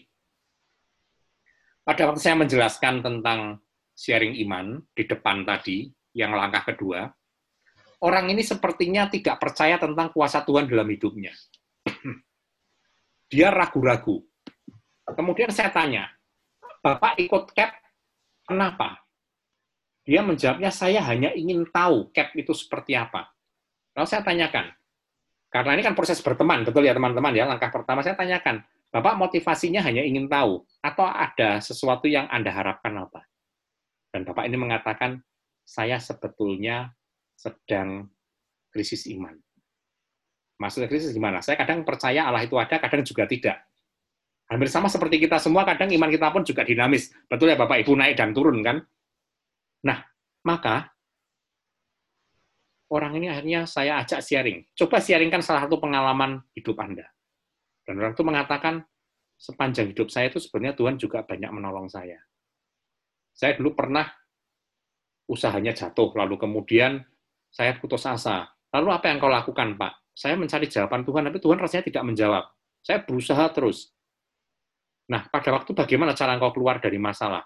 Ada seseorang menawarkan saya pekerjaan dan saya menjalaninya, walaupun bukan bidang yang saya tahu, tapi saya mau belajar. Menurut Anda itu jawaban Allah atau tidak? Saya tanya begitu. Dan Bapak itu mengatakan, iya ya Pak, itu jawaban Tuhan ya. Tapi lewat orang itu, lewat seseorang. Lalu Anda menanggapinya bagaimana Pak? Saya mau menjalaninya walaupun saya tidak ahli dalam bidang itu. Tapi karena usaha saya sudah jatuh, saya tidak punya jalan lain, saya mau belajar dari bawah. Saya sempat diolok-olok keluarga saya, kok mau-maunya dulu kamu kerja di sebuah perusahaan yang baik, perusahaannya bangkrut, kamu tidak punya kerjaan, saya kerja seperti ini. Mungkin sesuatu pekerjaan yang dianggap tidak sekeren pekerjaan sebelumnya. Dia mengatakan pekerjaan saya dulu lebih keren karena saya kerja di kantoran. Saat ini saya harus berdagang dari desa ke desa, dari satu tempat ke tempat lain. Lalu apa yang Anda dapatkan dari itu? Saya belajar untuk menjadi orang tidak mudah menyerah. Apakah Tuhan membuka jalan Anda? Ya. Dagangan saya laris dan akhirnya sekarang saya jadi distributor sebuah produk. Dan itu jadi pekerjaan saya sekarang. Dulu dianggapnya remeh. Nah, saya tanya, Bapak jualan apa? Karena saya jualan itu terasi, kemudian petis, Bapak Ibu tahu ya, terasi petis begitu ya. Dia dulu orang kerja kantor kan jadi bakul terasi begitu kan. Keluarganya juga menghina dia, tetapi sebenarnya itu jawaban Allah. Makanya saya tanya, Pak, kalau Bapak mengalami peristiwa hidup semacam itu, Allah menjawab dan Anda menanggapi, dan sekarang Anda suka cita dengan pekerjaan. Iya, tapi saya juga masih belum yakin Allah itu. Hari ini Anda yakin tidak kalau Allah bertindak dalam hidupmu? Allah berkarya dalam hidupmu. Kuasa Tuhan dalam hidupmu. Dan Bapak itu menjawab, ya Pak, itu kuasa Tuhan. Karena sebetulnya kalau saya waktu itu malu dan menyerah, saya mungkin tidak jadi hari ini, mungkin saya sudah jadi pengangguran beberapa tahun yang lalu. Pak, apakah Yesus pernah bersabda bahwa kalau orang yang mencari akan mendapatkan, orang yang mengetuk pintu akan dibukakan, orang yang meminta akan diberi. Iya Pak, saya pernah dengar, tapi saya tidak tahu ayatnya di mana. Kemudian saya suruh saya, saya suruh dia untuk mencari, dan dia membuka kitab suci dan menemukan di Matius itu dan dia mengatakan, "Ya, kok ada ya di kitab suci?" Apakah Bapak masih yakin bahwa hidupmu sebuah kebetulan? Tidak. Allah yang berkarya. Bapak sekarang sudah mengalami perubahan? Ya, saya mengalami perubahan cara berpikir saya. Berarti Bapak sudah bertobat. Pak, Bapak percaya roh kudus tidak? Saya tidak percaya roh kudus. Jawabnya begitu Bapak Ibu. Dan kemudian saya tanya, bukankah yang memberi inspirasi Bapak itu sebetulnya Roh Kudus? Iya, ya betul juga ya, Roh Kudus yang bekerja dalam hidupku. Bapak hari ini percaya ada Roh Kudus? Percaya. Maka Roh Kudus itulah yang memanggil Anda dalam pertobatan. Kemudian setelah begitu, begitu Bapak itu percaya, saya minta teman-teman satu kelasnya berdiri dan mendoakan dia menumpangkan tangan. Dan saya ajak berdoa bersama. Tuhan, berilah iman kepada saudara kami ini supaya lebih bisa melihat Engkau yang berkarya dalam hidupnya dan semakin merasakan bimbingan Roh Kudus. Amin. Bapak itu menangis, Bapak Ibu. Dan selanjutnya selama cap sesi-sesi berikutnya dia begitu bersemangat mau sharing ke depan. Dia paling dulu kalau menjawab. Maka sebetulnya kita melihat bahwa cap tentang perubahan cara berpikir. Cap tentang perubahan tanpa paksaan, tetapi mengajak orang mengalami, merenungkan, merefleksikan hidupnya. Nah, dalam sharing saya tadi tentang mengalami cap di Batam itu, sebetulnya tugas saya di sana hanya penunjuk jalan. Saya itu seperti papan penunjuk jalan di pinggir jalan dulu. Kamu jalanlah ke arah sana, di situ ada Yesus. Maka sebetulnya saya hanya memancing dia untuk menyadari. Bukan saya yang bertobatkan, roh kudus yang bekerja pada waktu itu. Maka pada saya menyimpulkan kepada kelas di Batam itu bahwa Bapak Ibu, Bapak X ini, saudara kita ini yang tadinya meragukan Allah yang berkarya, hari ini terjadi pertobatan. Satu orang bertobat, seluruh kerajaan surga bersuka cita. Amin. Amin. Dan seluruh kelas gemuruh dengan tepuk tangan dan Bapak itu betul-betul tersentuh. Dia sampai menangis proses pertobatan yang indah Bapak Ibu. Dan itu tidak nyangka, tidak disangka, tetapi Roh Kudus yang bekerja. Karena dia mengatakan saya tidak percaya Roh Kudus, saya tidak percaya Allah berkarya. Iman saya on dan off. Dan tugas kita sebagai evangelizer, sebagai pengajar CAP adalah menunjukkan jalan pada orang itu. Amin. Baik, setelah langkah kelima, maka yang langkah terakhir adalah langkah keempat, langkah terakhir adalah integrasi dalam komunitas orang yang sudah mengalami perubahan cara pandang, bertobat, diajak terlibat supaya bertumbuh, tidak berhenti imannya, tetapi terus semakin mengalami sukacita. Sampai langkah kelima, tugas kita sebagai pewarta Injil selesai. Maka yang melanjutkan adalah pastor atau romo dan para katekis yang memberikan bimbingan rohani. Dan apa tugas Anda? Pasti peserta CAP Anda akan bertanya, Pak atau Bu, setelah kami mengajak orang masuk komunitas, lalu tugas kami apa? Kira-kira apa yang Anda jawab, Bapak Ibu? Cari domba lagi. Iya, mewartakan lagi, tepat sekali, Pak. Karena proses evangelisasi tidak pernah berakhir. Apakah harus selesai lima langkah? Pertanyaannya. Harus selesai atau tidak, Bapak Ibu? Silahkan yang mau menjawab. Harus selesai lima langkah? Harus selesai. yang menyelesaikan saya sendiri atau bersama-sama dengan teman-teman yang lain? Bersama-sama. Bersama-sama. Seringkali dalam praktek di lapangan, mungkin kita hanya sampai pada sharing iman saja. Betul teman-teman? Paling sering ya. Sharing iman kisah Kristus. Tetapi ada suatu saat, saya punya pengalaman, ada seorang anak muda yang masih bingung mau menetap di gereja yang mana. Calon istrinya Katolik, dia sendiri gerejanya non-Katolik, tetapi juga tidak jelas ikut denominasi yang mana. Dia seperti seorang nomaden, tiap minggu pindah gereja. Jadi bingung ini mau berjemaat di mana. Akhirnya dia berlabuh di salah satu gereja besar di Semarang. Aktif terlibat di kepemudaan. Tetapi dia bingung, istrinya mau diajak ke gerejanya, dia tidak mau karena istrinya orang Katolik, sudah dibaptis. Keluarga istrinya mensyaratkan kalau mau nikahi putriku harus nikah di gereja Katolik diberkati. Setelah itu terserah mau pemberkatan di mana. Apa yang terjadi Bapak Ibu anak ini bimbang. Tetapi ternyata dalam perjalanan hidupnya dia sering sharing dengan orang Katolik dan curhat karena beberapa relasi bisnisnya dia adalah orang-orang Katolik dan beberapa alumni SEP juga alumni CAP. Dan dia cerita, saya pernah ketemu Bapak ini, dia cerita begini, ketemu Bapak itu begini. Betul enggak toh Pak Adit? Nah, Bapak Ibu, rupanya orang ini sudah menerima pewartaan dari sharing iman dan kisah Kristus dari banyak orang. Saya hanya tinggal tahap akhir saja. Saya tinggal meneguhkan dan menegaskan dan suatu hari setelah anak itu bimbang, hanya dia memutuskan, saya akan menikah di gereja Katolik saja. Karena istri saya pun tidak bisa dibawa ke gereja saya. Pernah menghadap pendetanya dan ditanya begini, kalau saudari mau menikah di sini harus masuk menjadi jemaat kami. Calon istrinya langsung menolak, Bapak Ibu langsung mundur. Dia bimbang. Pilihannya ya satu, kalau mau menikahi calon istrinya ini, ya dia harus diberkati di Katolik. Maka dia pergi ke gereja Katolik dan diberkati. Dan setelah persiapan nikah siap, dia mengatakan, Pak, saya akan menikah di gereja calon istri saya di sebuah kota di luar kota Semarang. Terima kasih Bapak sudah banyak sharing sama saya. Saya tidak tahu ke depannya, tetapi semoga saya menemukan jalan. Maka saya mengatakan begini, Saudara, kalau memang Anda mau belajar jadi Katolik, gereja kami siap menerima Anda 24 jam, 7 hari seminggu, kamu WA saya, saya antar ke katekis.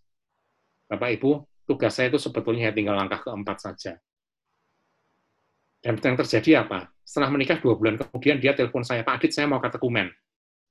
Saya hampir meloncat, handphone saya hampir lepas, saking senengnya. Dan saya langsung telepon teman saya yang katekis, saya bilang, Pak, ini ada teman saya mau jadi Katolik, mau belajar, kamu handle ya. Sudah aktif di gereja protestan. Protestannya mana? Wah, sudah tidak tahu, terlalu banyak gerejanya. Tetapi apa yang terjadi, anak itu begitu bersemangat. Dan dia ikut katekumen sampai selesai. Dan dia diterima dalam gereja Katolik. Dan saya waktu itu diminta menjadi walinya, wali macam wali baptis. Jadi saksinya dia masuk gereja Katolik. Bapak Ibu, saya tidak menjalani yang depan. Saya tidak perlu berteman karena dia sudah kenal dengan saya lewat pekerjaan, Ternyata sharing iman juga dengan teman-teman saya yang lain, para alumni SEP dan CAP di Semarang. Sudah banyak sharing. Tugas saya cuma nuntun terakhir langkah keempat dan kelima. Tapi apakah itu jasa saya? Bukan. Itu roh kudus semua yang bekerja. Dan ternyata salah satu dari orang yang sering sharing sama dia, itu juga seorang pengajar SEP di Semarang juga. Tapi kami tidak saling tahu kalau kami diutus untuk mengantar satu orang ini kembali ke gereja Katolik. Maka tugas saya selesai Berikutnya ya dia harus katekumen dengan katekis. Baik, sampai di sini ada pertanyaan Bapak Ibu? Nah, kalau tidak ada pertanyaan, begitu Anda selesai mengajar lima langkah penginjilan, ajaklah peserta CAP Anda sharing iman, sharing kelompok. Caranya bagaimana? Pertanyaannya sederhana, Bapak Ibu. Kumpulkan mereka mungkin satu kelompok satu kelompok. Kalau misalnya di CAP sudah berkelompok begitu ya, kumpulkan mereka per kelompok, kemudian tanyakan, pertanyaan ini disorot di layar proyektor Anda. Apakah saya mengalami kabar baik dari Tuhan dalam hidup? Pasti orang mengatakan ya. Terus bagaimana saya bisa mewartakan lewat apa kepada sesama? Lalu orang itu ditanya, apa hambatan saya mewartakan kabar baik dan kemudian bagikan di depan kelas kabar gembiramu. Bapak Ibu, teman-temanku, pertanyaan pertama pasti semua orang bisa. Karena setiap orang mengalami kabar baik dari Tuhan. Yang kedua, sering kali orang menggambarkan pelayanan sesuatu yang tinggi-tinggi. Jadi katekis, jadi prodiakon, jadi guru sekolah minggu. jadi ketua lingkungan. Padahal bisa tidak saya di pekerjaan saya di sebuah instansi melayani publik dan saya mewartakan kabar baik kepada sesama yang saya layani. Contoh, bekerja di kantor kecamatan, bagian kependudukan. Bisa tidak mewartakan sebagai seorang pegawai negeri ASN? Bisa. Anda seorang perawat, bisa tidak melayani di rumah sakit dan memberikan kabar baik, memberi pengharapan pada orang sakit? Bisa. Anda sebagai pedagang buka toko, pembeli Anda sedang wajahnya murung, ditanya, kenapa Pak, kenapa Bu, lagi susah, Anda sharing iman, Anda teguhkan, Anda doakan, bisa tidak?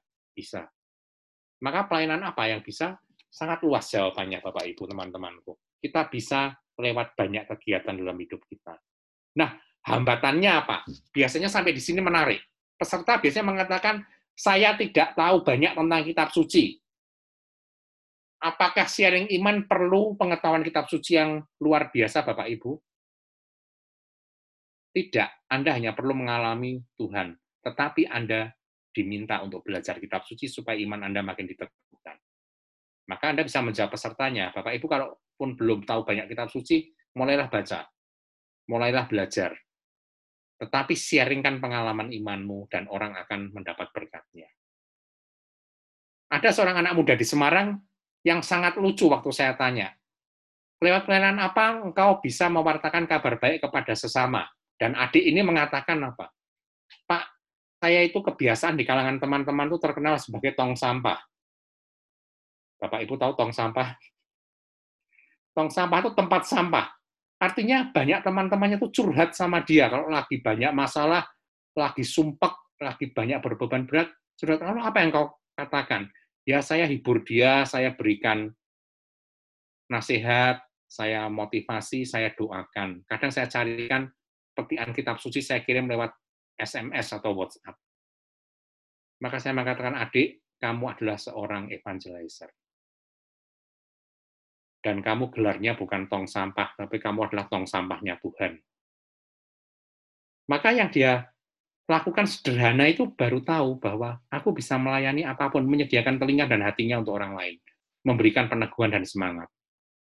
Dan kemudian nanti Bapak Ibu pada waktu setelah 10 menit, kalau 10 menit misalnya satu kelompok tiga-tiga, satu orang tiga menitan cukup, atau mungkin paling mudah berdua-dua. Jadi satu orang bisa sharing lima menit dengan temannya. Berdua-dua paling gampang. Lalu panggil beberapa orang ke depan kelas untuk mensiaringkan dan Anda tanggapi. Menanggapinya apa? Nah, Bapak Ibu lihat, saudari kita ini, saudara kita ini ternyata mewartakan dengan cara yang sederhana. Sampai di sini, apa tugas kita sebagai pengajar bab 2 adalah meyakinkan peserta kita bahwa mewartakan Injil itu sederhana. Kenapa? Karena Tuhan juga menyatakan dirinya lewat peristiwa hidup yang sederhana setiap hari. Artinya kalau mau mewartakan Injil, Bapak Ibu tidak usah nunggu sampai Anda kena kanker yang ganas, terminal, sembuh, baru bersaksi. Ya kalau sembuh, kalau tidak sembuh telat, tidak sempat bersaksi sudah bablas. Tidak harus Anda selamat dari kecelakaan lalu lintas yang dahsyat. Jangan pernah mengharap seperti itu. Tetapi lewat peristiwa sehari-hari. Maka di sinilah kita meneguhkan para peserta bahwa kabar gembira ditemukan sehari-hari. Maka setelah mereka sharing, Bapak Ibu tinggal menegaskan lagi.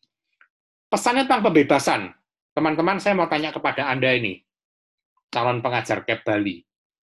Dalam masa pandemi ini, apakah Anda mengalami pembebasan sebetulnya? Dalam situasi yang mencekam, justru kita dibebaskan dari rasa takut. Amin, teman-teman.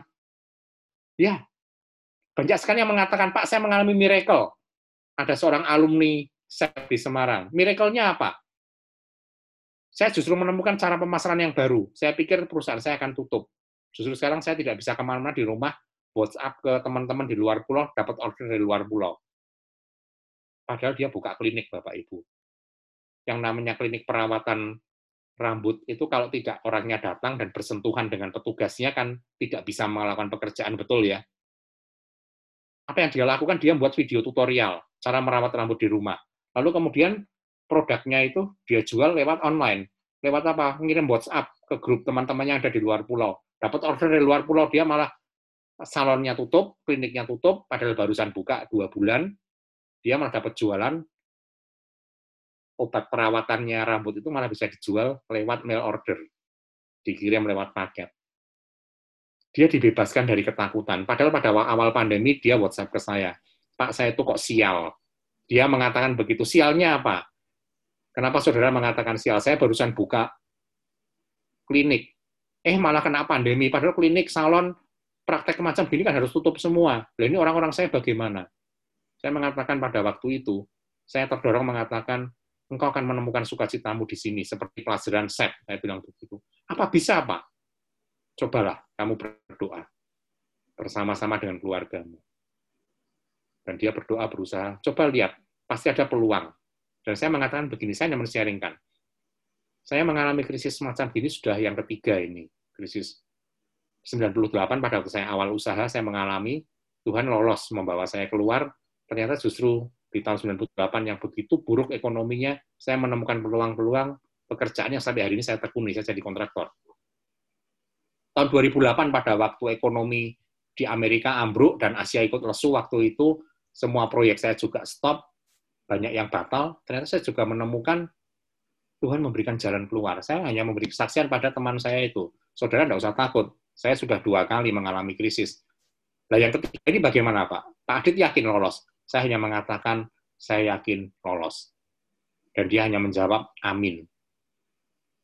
Kemudian tidak pernah kontak lagi sampai dengan akhir bulan Juni, dia mengatakan, WhatsApp ke saya dan mengatakan, puji Tuhan Pak, klinik saya tidak tutup, malah sekarang dapat customer baru di luar pulau. Apakah engkau sudah tidak takut lagi? Tidak. Saya dibebaskan dari kecemasan. Inilah evangelisasi Bapak Ibu.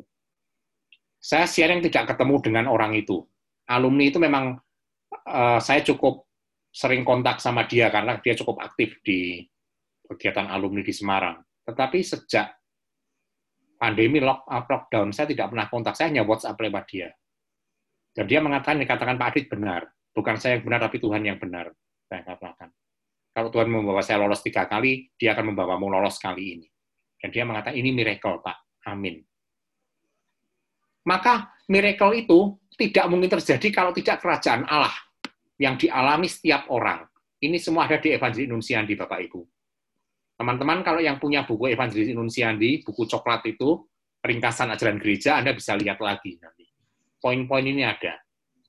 Maka di bab 2 ini Anda tidak perlu membahas Evangelis Nunsiandi terlalu dalam, karena Romo akan punya sesi tersendiri, seperti yang Anda alami dulu. Dan poin yang ketiga, anda tidak mungkin mengalami pembebasan dan merasakan kerajaan Allah kalau hatimu tidak berubah dan pandangan hidupmu tidak berubah. Itu artinya bertobat. Saya yakin kebanyakan orang yang ikut CAP atau SEP itu bukan pembunuh berantai, bukan teroris yang suka ngebom-ngebom. Mereka orang-orang seperti kita, orang-orang biasa. Lah orang biasa bagaimana bertobatnya? Semakin hari semakin peka bahwa Allah itu berkarya semakin hari semakin percaya, tidak lagi jadi peragu. Semakin hari semakin mau membagikan dan menyemangati orang lain. Itulah perubahan pandang hidup. Dari orang pesimis menjadi orang optimis. Dari orang yang selalu berdoanya meminta-minta, Tuhan minta ini, minta itu, minta ini, minta itu, doanya hanya sekarang Tuhan terima kasih. Engkau memberi aku segalanya. Apa yang bisa aku lakukan untuk saudara-saudariku?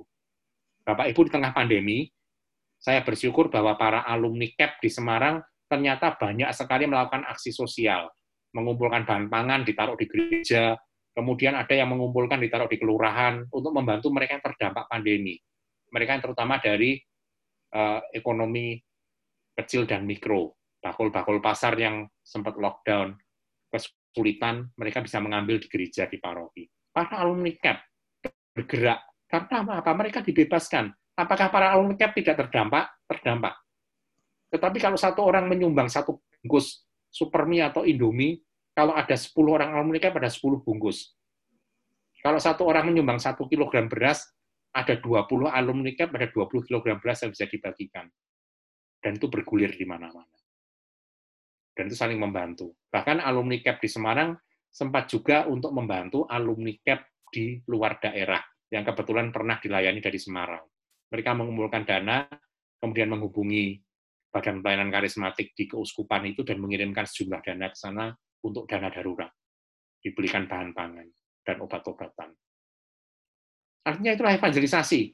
Pusatnya kerajaan Allah, mengalami dan membagikan kerajaan Allah. Tidak takut lagi, tetapi menjadi orang yang berubah hatinya. Baik, sampai di sini ada pertanyaan, silahkan. Kalau ada yang tidak jelas, boleh langsung buka mic-nya dan bertanya. Jelas Bapak Ibu?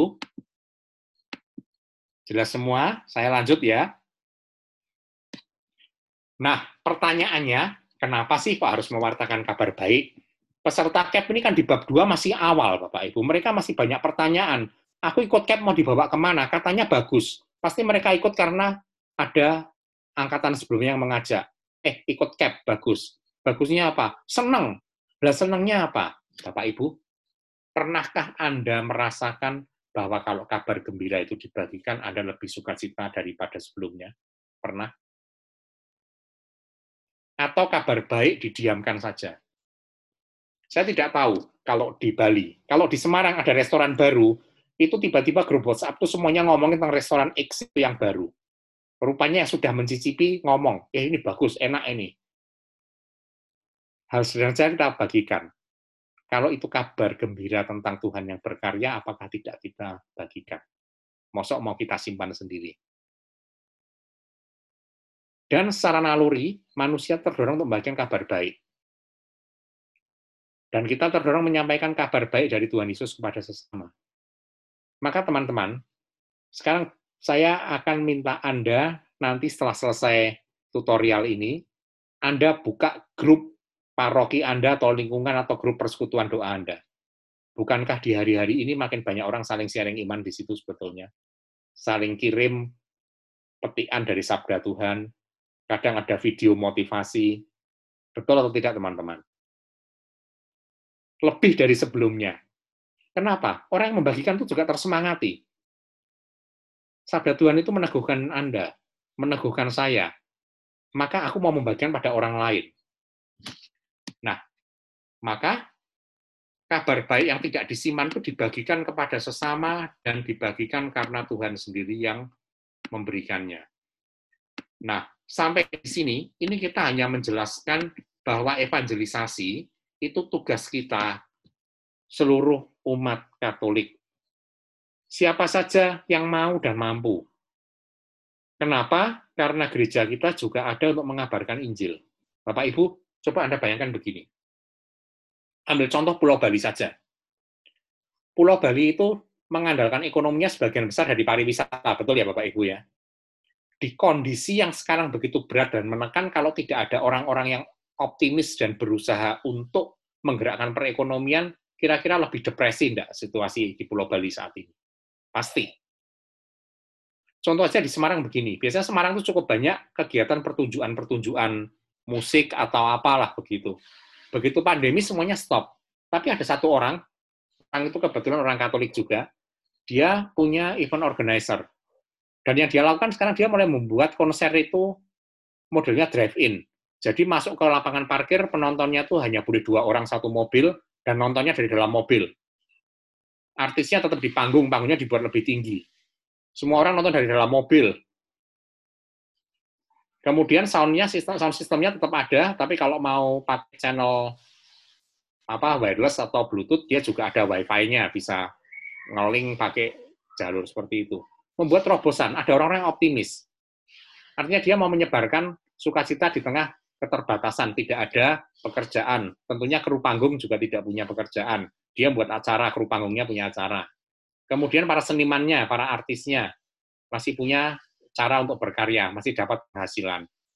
Orang yang terkena stres karena pandemi, banyak di rumah, tidak ada bioskop, di Semarang bioskop masih belum dibuka karena masih beresiko untuk jadi kluster COVID. Ada pertunjukan live musik, nontonnya dari dalam mobil. Maka orang-orang selalu berusaha untuk mewartakan Injil. Nah, warga gereja pun juga sama. Saya yakin di Pulau Bali, walaupun dalam kondisi sekarang yang begitu mencekam, tetap ada orang yang berusaha untuk menggerakkan perekonomian, menggerakkan kabar gembira. Bahkan di gereja pun terus mengabarkan Injil. Bukankah para romo kita, para pastor, juga Bapak Uskup, lewat misa online meneguhkan kita umatnya, walaupun dalam keadaan susah? Maka ini sebuah tugas dan rahmat yang khas bagi kita orang Katolik mewartakan Injil, supaya kita juga semakin meluaskan kabar baik itu di seluruh dunia. Baik. Nah, evangelisasi yang perlu disadari adalah karya gerejani. Maka kita tidak bisa kerja sendiri tetapi harus kesatuan dengan gereja. Maka penginjilan itu bukan karya individual atau terisolir, tetapi karya yang bersifat mendalam dan gerejani. Contohnya ya tadi, Bapak Ibu, apakah Anda bisa mengajak orang satu orang kembali ke gereja kalau tidak orang itu juga menerima pewartaan dari banyak orang? Tentu sulit. Bahkan paling sulit itu mengajak siapa? Orang yang paling dekat dengan kita. Mungkin keluarga sendiri, kakak, adik, saudara. Kadang-kadang aneh, saya pernah ngajak teman saya berkali-kali, saya ajak, ayo ikut SEP, ayo ikut SEP. Dia tidak mau. Suatu hari saya lihat dia datang di kelas. Loh, kamu kok ikut? Ya, aku diajak sama ini. Loh, kamu tak ajak, tidak mau kok malah diajak orang. Ya itulah, kalau sama teman sendiri tidak mau. Maka kita tidak bisa mengandalkan kekuatan sendiri, tapi bekerja dengan kesatuan gereja. Sering kejadian seperti itu. Dan evangelisasi untuk siapa? Yang ini Bapak Ibu boleh tunjukkan kepada para peserta Anda bahwa begitu banyak orang yang membutuhkan pewartaan kabar baik.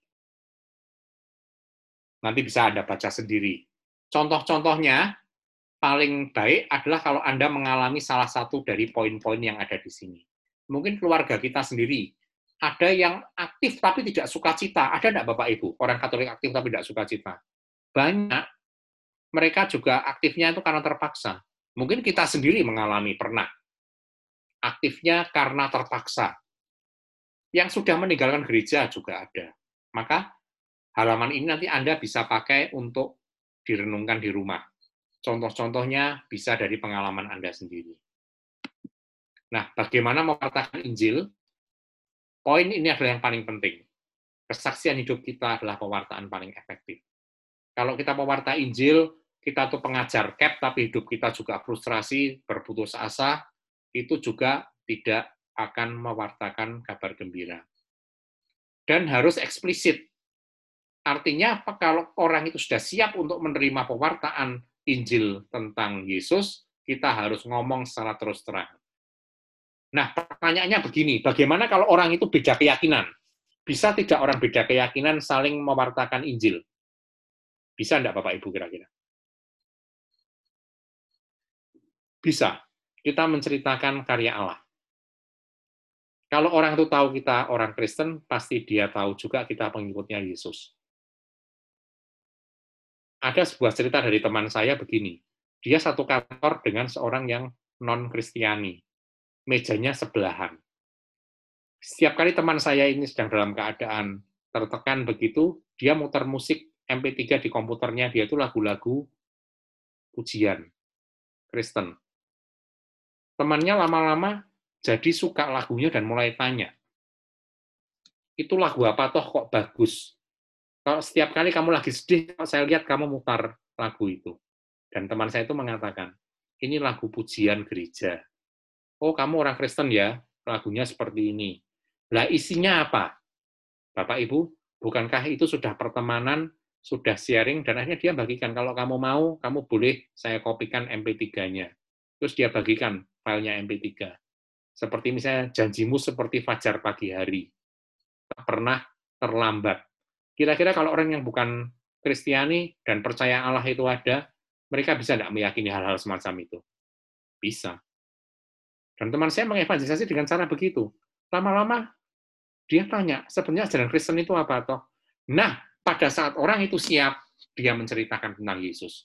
Apakah teman sekantornya jadi Kristen? Tidak, tetapi cara pandangnya terhadap Kristianitas berubah. Dia lebih menghargai perbedaan. Dia lebih mau menerima bahwa orang Kristen itu ya seperti itu. Sebelumnya dia mengatakan, dulu saya punya banyak prasangka tentang orang Kristen. Nah, Bapak Ibu, eksplisit diwartakan. Contoh pengalaman dari teman saya itu karena dia sudah tahu bahwa dia seorang pengikut Yesus. Maka dia tidak lagi sungkan untuk mengatakannya. Nah, bagaimana mempersiapkannya? tentu kita harus punya komitmen pribadi dengan Yesus. Kemudian cara hidup kita dan gaya hidup. Kalau Bapak Ibu lihat 1 Petrus 3:15 itu bisa dilihat silakan buka kitab suci Anda kalau Anda bawa. Ada yang membawa kitab suci di sini? Silakan dibuka. 1 Petrus 3:15.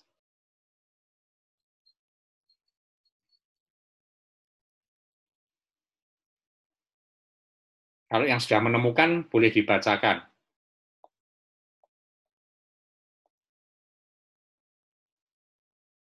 Silakan, yang sudah ketemu, langsung saja.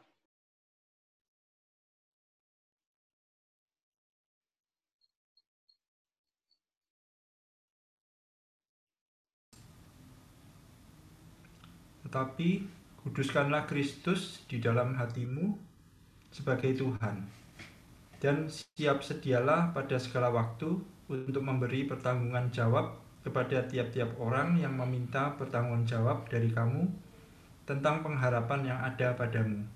Tetapi haruslah dengan lemah lembut dan hormat. Baik, terima kasih Pak. Nah, Bapak Ibu, teman-temanku, kuduskanlah Kristus dalam hatimu sebagai Tuhan. Itu sudah jelas karena kita orang Katolik. Dan siap sedialah memberi pertanggungjawaban pada orang yang meminta pertanggungjawaban. Sama seperti teman saya mengatakan, kalau saya sedih, saya mendengar lagu ini, saya tahu Tuhan berbicara pada saya, dia menguatkan saya. Dia berani mempertanggungjawabkan imannya. Pengharapannya pada siapa? Tuhan Yesus. Dan teman saya mengatakan, saya cerita sama teman saya yang bukan Katolik itu, seorang Muslim. Bahkan pakai hijab juga. Dan dia mengatakan, lagu-lagu Katolik itu bagus ya, lagu Kristen itu bagus. Ya, karena aku percaya pada Yesus, Isa Al-Masih maka dia berani mempertanggungjawabkan imannya. Tetapi kalau ada perbedaan, teman saya mengatakan begini, ya, kamu mengatakan bukan Yesus yang disalib, tapi orang lain. Tapi kalau kami percaya dialah yang disalib dan wafat dan bangkit. Supaya orang tahu bahwa ada kehidupan setelah kematian dan Yesus mengalahkan maut dan dia hidup kembali. Tapi memang kita berbeda. Maka teman saya yang mengalami evangelisasi lintas iman itu mengatakan bahwa aku harus tetap lemah lembut dan hormat karena tidak bisa diperbantahkan. Dan temannya yang seorang muslim itu menghargai. Oh ya berarti beda ya kita menghayatinya. Bapak Ibu, sadarkanlah para peserta CAP kita, kalau Anda jadi pengajar, bahwa cara hidup kita, kesaksian iman kita bukan memaksa orang untuk menerima pandangan iman kita, tetapi membuat mereka tahu bagaimana iman kita. Dan biarlah roh kudus yang akan merubah hati orang itu. Maka, kita pun juga harus mempersiapkan diri menjadi pewarta Injil. Caranya bagaimana? Mengikuti teladan Yesus, berdoa, dan memakai anugerah Tuhan, bakat atau karunia. Maka sebetulnya, sampai di sini kita bisa melihat bahwa yang terakhir itu jelas bahwa evangelisasi bukan proyek pribadi, tetapi proyeknya Tuhan. Dan kita melakukan tidak dengan kekuatan sendiri, tetapi bersama-sama seluruh gereja. Baik, sampai di sini ada pertanyaan Bapak Ibu? Kalau tidak ada pertanyaan, kita akan lanjutkan. Bagian pertama dari bab 2 sudah selesai sebetulnya. Bagian yang kedua adalah pengenalan apa toh kekuatan gereja kita. Maka saya akan merangkum sedikit sebelum saya melanjutkan. Bab dua isinya adalah tentang lima langkah penginjilan. Kita mengenalkan peserta CAP kita bahwa lima langkah penginjilan adalah cara orang Katolik untuk mewartakan kabar gembira. Kalau bahasa populernya di masyarakat ya berdakwah begitu. Tapi bukan berdakwah untuk kita maksa jadi orang Katolik, tetapi pertama-tama kita mewartakan Allah yang baik, Allah yang mengasihi kita. Sedangkan orang itu akan mengalami proses pertobatan, sehingga orang yang belum menemukan imannya akan diantar bertemu dengan Kristus. Bukan untuk cari domba sebanyak-banyaknya, mencuri domba dari gereja lain, tidak seperti itu. Tapi evangelisasi Katolik akan mewartakan Allah yang baik. Maka bagian pertama, kita menyadari bahwa orang Katolik diutus untuk mewartakan Injil. Itu yang pertama. Apa yang dasarnya amanat agung Yesus? Di mana? Matius bab 28 ayat 18 sampai 20. Sampai di situ Bapak Ibu menegaskan kepada peserta KEP Anda, yang mengutus kita itu Yesus, bukan orang lain. Yang kedua, perutusan Yesus untuk siapa? Untuk seluruh orang Katolik di seluruh dunia di sepanjang zaman. Berarti perutusan seluruh gereja. Ditegaskan oleh amanat agung. Terus bagaimana kita melaksanakannya sehari-hari? Nah, cara kita melaksanakan sehari-hari dibimbing oleh gereja melalui Evangeli Nunsiandi.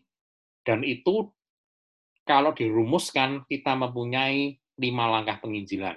Yang pertama adalah berteman dengan orang-orang. Yang kedua, sharing iman. Yang ketiga, kisah Kristus. Yang keempat, ajakan bertobat. Yang kelima, integrasi dalam komunitas. Bapak Ibu pada waktu Anda mengajar bab 2, lima langkah penginjilan ini boleh diulang beberapa kali, supaya apa? Supaya diingat oleh peserta kita. Sehingga mereka tahu. Tapi juga harus dipesankan, lima langkah penginjilan tidak harus urut dan tidak harus selesai dalam satu saat. Bapak Ibu masih ingat waktu Anda kunjungan rumah? Kunjungan rumah kira-kira berapa lama waktunya? Satu jam? Satu setengah jam? Dua jam paling. Apakah Anda bisa selesai lima langkah penginjilan dalam prakteknya? Tidak. Kita mungkin hanya berteman dan sharing iman saja. Mungkin janjian berikutnya bisa sharing iman tambah kisah Kristus. Tapi bisa jadi setelah cap selesai, Anda berjumpa lagi, dan Anda langsung loncat ke integrasi komunitas. Ternyata orang ini sudah minat mau ikut kembali ke gereja. Dan Anda warga sebuah persekutuan doa. Maka mengatakan, Pak, mau enggak hari Kamis nanti ikut ke persekutuan doa, saya akan jemput Anda. Bapak Ibu dulu Anda cuma kenalan, tapi orang ini tiba-tiba kok jadi kepingin, kira-kira karya siapa itu? Roh Kudus. Dan pada saat itu Anda langsung lompat ke langkah keempat dan kelima. Ayo masuk ke komunitas. Anda kan sudah lama, toh mungkin tidak berjumpa dengan teman-teman. Iya, saya sudah lama, saya sibuk bekerja. Baik, mari ikut. Dia masuk komunitas, dia dimuridkan kembali. Dalam kunjungan rumah kita tidak bisa menyelesaikan lima langkah penginjilan. Mungkin perlu kunjungan kedua. Mungkin juga ada orang lain yang juga diutus kepada orang tersebut. Maka kita tekankan pada peserta kita, lima langkah penginjilan itu bisa kita lakukan sehari-hari, Bapak Ibu, tetapi tidak harus menyelesaikan dan tidak harus urut. Kalau Anda sudah kenal, ya langsung saja sharing iman. Kalau sudah sering sharing iman, kenapa kok tidak langsung diajak aja untuk bertobat? Kalau memungkinkan. Atau masuk komunitas dulu. Dan lewat komunitas dia berproses untuk bertobat. Bisa tidak urut. Mungkin tidak Bapak Ibu berproses seperti itu? Bisa. Orang baru datang, barusan sampai Denpasar, pindah tugas, tidak punya komunitas ketemu di gereja seperti orang bingung dan Anda menyapa. Selamat pagi Bapak Ibu, sepertinya umat baru ya. Oh iya, saya barusan pindah dari Semarang. Kami pindah tugas di Denpasar. Apakah di sini ada kegiatan paroki? Nah, kebetulan Bapak Ibu anggota mungkin komunitas Tritunggal Maha Kudus atau Persekutuan Doa Karismatik Katolik. Atau mungkin Anda ikut apa? Kegiatan Legio Maria misalnya. Saya ikut Legio Maria, apakah Bapak Ibu berkenan datang ke pertemuan kami? Di mana itu Pak? Oh di Wisma Pastoran, di ruang pertemuan, setiap hari Kamis jam 7 malam. Kalau mau, ini kontak saya. Bapak Ibu habis perkenalan langsung loncat ke langkah keberapa? Integrasi. Karena mungkin orang itu sudah sering dengar sharing iman dan dia butuh komunitas. Langsung masuk komunitas. Dan di komunitas dia mengalami pertobatan. Langkahnya mungkin terbalik. Maka kita tekankan pada para peserta CAP, tidak harus selesai lima langkah, tidak harus urut, lihat situasinya. Dan yang penting, tekankan kepada para peserta dari amanat agung Matius bab 28 diturunkan kepada Evangeli Inunsiandi sebagai langkah-langkah praktis setiap hari. Lima langkah penginjilan. Kita ulang lagi, berteman dengan orang-orang, sharing iman, kisah Kristus, ajaan bertobat, dan integrasi pada komunitas. Setelah selesai ke mana Bapak Ibu? Anda boleh lantarkan itu. Dimuridkan, lalu ke mana? Diutus kembali. Maka perutusan pewartaan Injil tidak pernah berhenti, tetapi berlanjut terus. Baik, materinya bab 2 hanya tentang itu. Lima langkah penginjilan, siklus penginjilan Katolik. Nah, kalau dilihat apakah penginjilan Katolik itu untuk mencari umat sebanyak-banyaknya? Tidak. Tetapi mewartakan Allah yang baik, Allah yang berkarya dalam hidup kita, dan aku mengalami sukacita. Maukah engkau mengalami sukacita itu? Caranya bagaimana? Kita sharingkan pengalaman iman kita. Caranya bagaimana? Kita beri kesaksian lewat kebenaran Injil, lewat kisah Kristus. Caranya bagaimana? Kita ajak mereka untuk mengalami perubahan cara berpikir lewat kesaksian kita, ngajak bertobat. Caranya bagaimana? Ajak dia ke komunitas kita. Itu yang bisa kita lakukan. Maka, kalau kita melihat kekuatan gereja kita, sering kali kita itu orang Katolik punya rasa rendah diri. Betul tidak, Bapak Ibu? Kalau urusan menginjil, kita kalah hebat sama saudara-saudari kita gereja non-Katolik apakah orang Katolik di Bali sering kali merasa rendah diri juga seperti di Semarang? Ya, sering kali begitu. Saya tanya peserta, Bapak Ibu, orang Katolik menginjil enggak? Tidak, Pak. Yang menginjil gereja sebelah. Mereka mengatakan demikian. Dan saya saya coba coba Bapak Ibu dengarkan. Apakah setiap hari ada di antara Bapak Ibu yang datang misa harian? Ada. Dibacakan Injil tidak? Dibacakan. Berarti gereja menginjil tidak? Ya menginjil ya Pak. Nah, Anda sering tidak dapat WhatsApp atau apa dari Romo, buletin mungkin dikirim lewat WhatsApp. Isinya tentang pelajaran iman. Ya, sering Romo kami sering ngirim, renungan-renungan. Nah, itu pewartaan Injil atau bukan? Nah, mewartakan Injil. Berarti gereja kita mewartakan Injil, ya. Seringkali kita itu rendah diri. Kita yang berfokus pada kekurangan kita. Sebetulnya gereja Katolik adalah penginjil yang paling besar. Kemarin Pak Vincent sudah menyinggung itu. Kemudian melihat kembali apa yang kita miliki. Nah, gereja Katolik kekuatannya apa toh Bapak Ibu? Dan sarananya apa? Mari kita lihat. Nah, Bapak Ibu, saya ada sebuah video klip, nanti akan saya kirimkan ke Pak Ari, ke Bro Ari, untuk di-share. Itu klip yang bagus tentang gereja Katolik. Saya tidak yakin bisa diputar karena saya pernah mencoba memutar di Zoom, ternyata tidak jalan begitu. Mungkin filenya terlalu besar. Nah, saya akan coba kirimkan ke Pak Ari, Anda bisa lihat klip itu. Itu adalah tentang gereja Katolik. Pada waktu CAP, saya kalau ngajar bab 2, biasa saya putar. Gereja Katolik adalah penyedia layanan sosial terbesar di dunia, penyedia layanan pendidikan terbesar di dunia. Umatnya lebih dari satu miliar. Umat Katolik itu sangat besar dan punya ribuan paroki. Nah, kekuatan gereja kita apa? ini yang perlu disadarkan kepada para peserta supaya kita tidak rendah diri terus. Pendirinya ya Tuhan Yesus, diteruskan para rasul. Kita punya 266 pemimpin, dari Petrus sampai dengan Paus, hari ini, Fransiskus. Umat kita satu miliar lebih. Bahkan di timur juga ada yang situs timur. Itu mereka yang gereja-gereja berbahasa Arab. Dan di Rusia, memakai bahasa Rusia.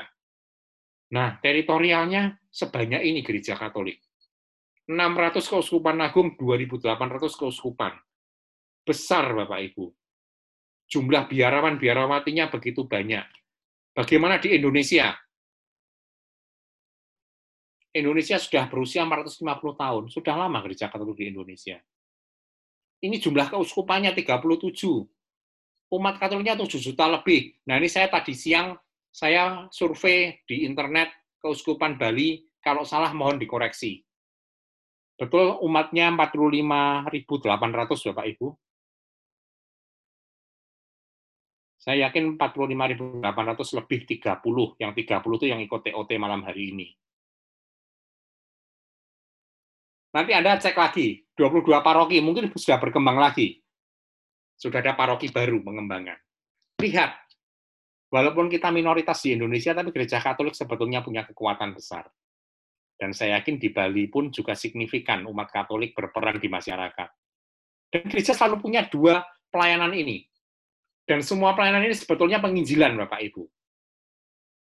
Kalau liturgis ada ekaristi, ada sakramen, bukankah sakramen itu juga mewartakan Allah yang baik, Allah yang mau menjumpai kita?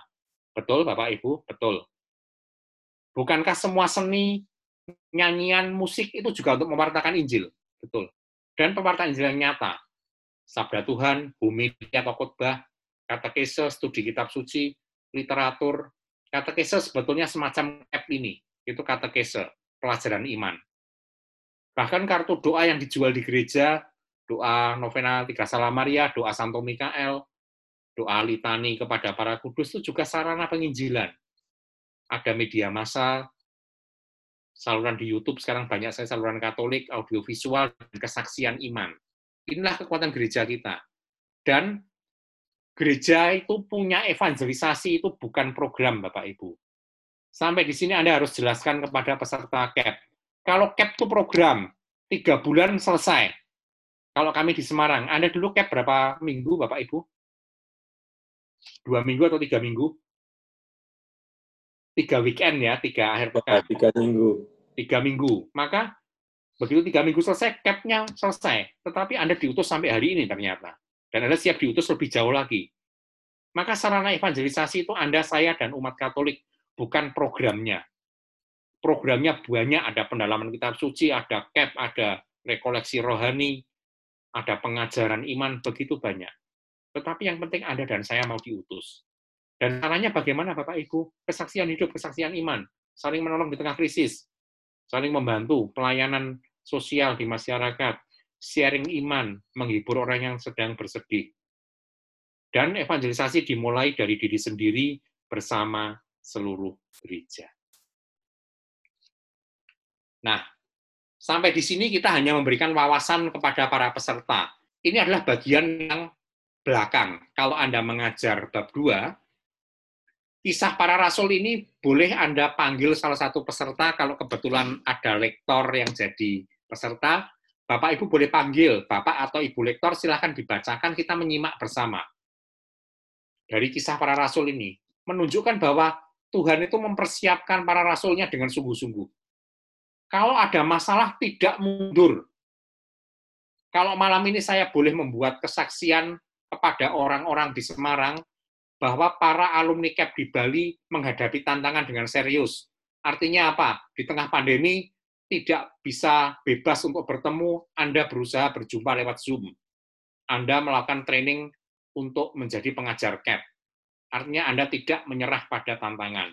Anda menghadapi tantangan dengan serius. Ini adalah contoh dari semangat para rasul yang Anda hidupi sekarang. Amin, Bapak Ibu. Amin. Yang kedua, pasti para rasul dipenuhi roh kudus, Anda dan saya juga kok mau diutus jadi pengajar CAP. Ya karena ada sesuatu yang berharga yang mau kita bagikan kepada umat di paroki-paroki. Sesuatu yang berharga yang sudah saya alami, dan yang sudah Bapak Ibu alami sendiri. Dan itulah tanda dan karya roh kudus. Anda dan saya tidak mungkin mewartakan kalau tidak dimampukan Roh Kudus.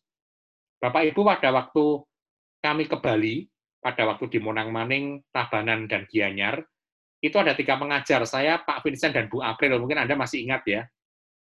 Kami biasanya kalau di Semarang ngajar itu hanya satu, biasanya diselesaikan dalam waktu dua sore hari, misalnya hari Selasa dan Rabu, begitu, bab dua selesai. Ringan, hanya dua kali datang, satu bab saja ngajar. Tapi pada waktu kami diutus ke Bali karena capnya harus ringkas, hanya tiga akhir pekan, tiga weekend, maka weekend pertama harus tiga bab harus tercapai, selesai. Saya spesialis bab dua, Pak Vincent spesialis bab tiga, dan bab satu. Bu April belum pernah ngajar bab tiga. Bu April spesialisnya bab dua seperti saya. Apa yang terjadi? Kami harus belajar tiga-tiganya kami berkumpul, ada tantangan. Dan roh kudus mengumpulkan kami itu, ayo mau diutus ke Bali, harus bisa bab 1, 2, dan 3. Kami belajar bersama, saling mengisi, saling melengkapi, dan itu yang akan Bapak Ibu lakukan juga di Bali, saling mendukung. Kemudian kami mohon roh kudus untuk memberi kekuatan. Ngajar di Bali, tiga paroki, dalam waktu satu akhir pekan, dengan tiga bab sekaligus itu pengalaman yang paling indah yang kami pernah alami sebagai pengajar camp itu luar biasa. Saya waktu pulang ke Semarang bilang, kami ngajar di tiga gereja langsung. Hah? Masa tiga gereja? Iya, di Monang Maning, Santo Petrus ya, kemudian di Tabanan, Santa Maria, betul ya Bapak Ibu? Dan satu lagi, Gianyar, Santa Maria juga. Ya, gila, satu satu weekend tiga gereja, benar tiga parok itu gimana caranya kami bertukar. Jadi kami tidak pernah bertemu kan, saya di Gianyar, Pak Vincent di Monang Maning, Bu April di Tabanan, dan kemudian besok sorenya, hari Sabtunya bertukar lagi, kemudian bertukar lagi. Pada saat kita menghadapi tantangan dengan serius, kami merasakan bahwa itu perjalanan penuh sukacita. Maka ini sharing kami sebagai yang sudah diutus mengajar CAP, Bapak Ibu. Anda akan mengalami juga. Mungkin Anda diutus lagi mungkin ke Nusa Tenggara Timur, ke Lombok, mungkin ke Timor, Leste. Saya tidak tahu Anda bisa diutus ke mana saja. Tapi percayalah, Roh Kudus akan menyertai Anda. Dan mentaati rencana yang diberikan Yesus. Jangan menyimpang ke jalan orang fasik. Jangan masuk kota orang Samaria. Yesus mengatakan demikian. Artinya apa? Kalau diutus fokus. Dan jumlahnya bertambah. Bapak Ibu, CAP di Bali sudah dimulai. Sudah ada tiga paroki yang menyelenggarakan. Sebentar lagi jumlahnya akan bertambah. Maka Anda siap menerima panggilan ini menjadi pengajar. Pada saat orang di Bali lebih banyak mengalami sukacita Tuhan melalui kegiatan CAP ini, mereka akan mewartakan di lingkungan-lingkungan, di paroki mereka, di keluarga mereka, di tengah masyarakat Bali. Dan itu berkat untuk mereka. Berkat untuk seluruh masyarakat. Dan orang yang menerima kabar baik segera menjadi pewarta kabar baik. Sama seperti Anda. Tahun kemarin jadi peserta, tahun ini siap diutus menjadi pewarta CAP. Maka salut profesiat untuk Anda semua, luar biasa. Dan apa toh rencana Yesus untuk membuat penginjilan ini? Rencana Agung Penginjilan ada beberapa kegiatan Bapak Ibu. Yang pertama Yesus memilih, artinya memilih para rasulnya. Sama seperti Bapak Ibu sekarang, sebagai calon pengajar CAP, Anda dipilih. Maka memilih ini berpusat pada orang-orang dan secara bersama-sama dilakukan. Tidak bisa individual. Anda nanti akan mengatakan kepada para peserta CAP Anda, Bapak Ibu Anda adalah orang-orang terpilih, dan Anda menanggapi panggilan Tuhan. Maka Anda siap diutus mewartakan Injil bersama-sama. Dan yang kedua, perlu persekutuan. Bapak Ibu di sini adalah para pewarta di Keuskupan dan Pasar. Anda berkomunitas. Anda menindaklanjuti penginjilan lewat komunitas Anda dan dalam pelayanan ini. Dan Anda sudah mempersembahkan diri, mengkonsekrasikan, menguduskan hidup Anda untuk taat kepada Tuhan. Artinya mau diutus. Artinya ada tantangan juga tidak mundur. Kita akan menghadapi dengan serius. Dan Bapak Ibu Saudaraku sekalian, calon pengajar CAP dari Bali, Anda memberikan diri sepenuhnya dalam pelayanan kepada Tuhan. Karena Tuhan sudah memberikan hidupnya untuk Anda dan saya, keselamatan kita. Dan Anda memberikan teladan, demonstrasi lewat apa? Cara hidup Anda, pelayanan Anda sehari-hari, di tempat kerja, di paroki, di lingkungan. Dan Anda siap diutus dalam pekerjaan praktis dan sehari-hari. Bapak Ibu Anda diutus tidak cuma di mengajar CAP, tetapi kesaksian Anda di kantor, di tempat kerja, di lingkungan, di pergaulan, di antara teman-teman. Dan Bapak Ibu, gereja tetap memberikan bimbingan secara pribadi sampai dewasa secara iman. Kita pun selalu dibimbing gereja. Maka ada romo moderatornya, romo moderator karismatik di Denpasar akan menaungi Anda para pengajar CAP.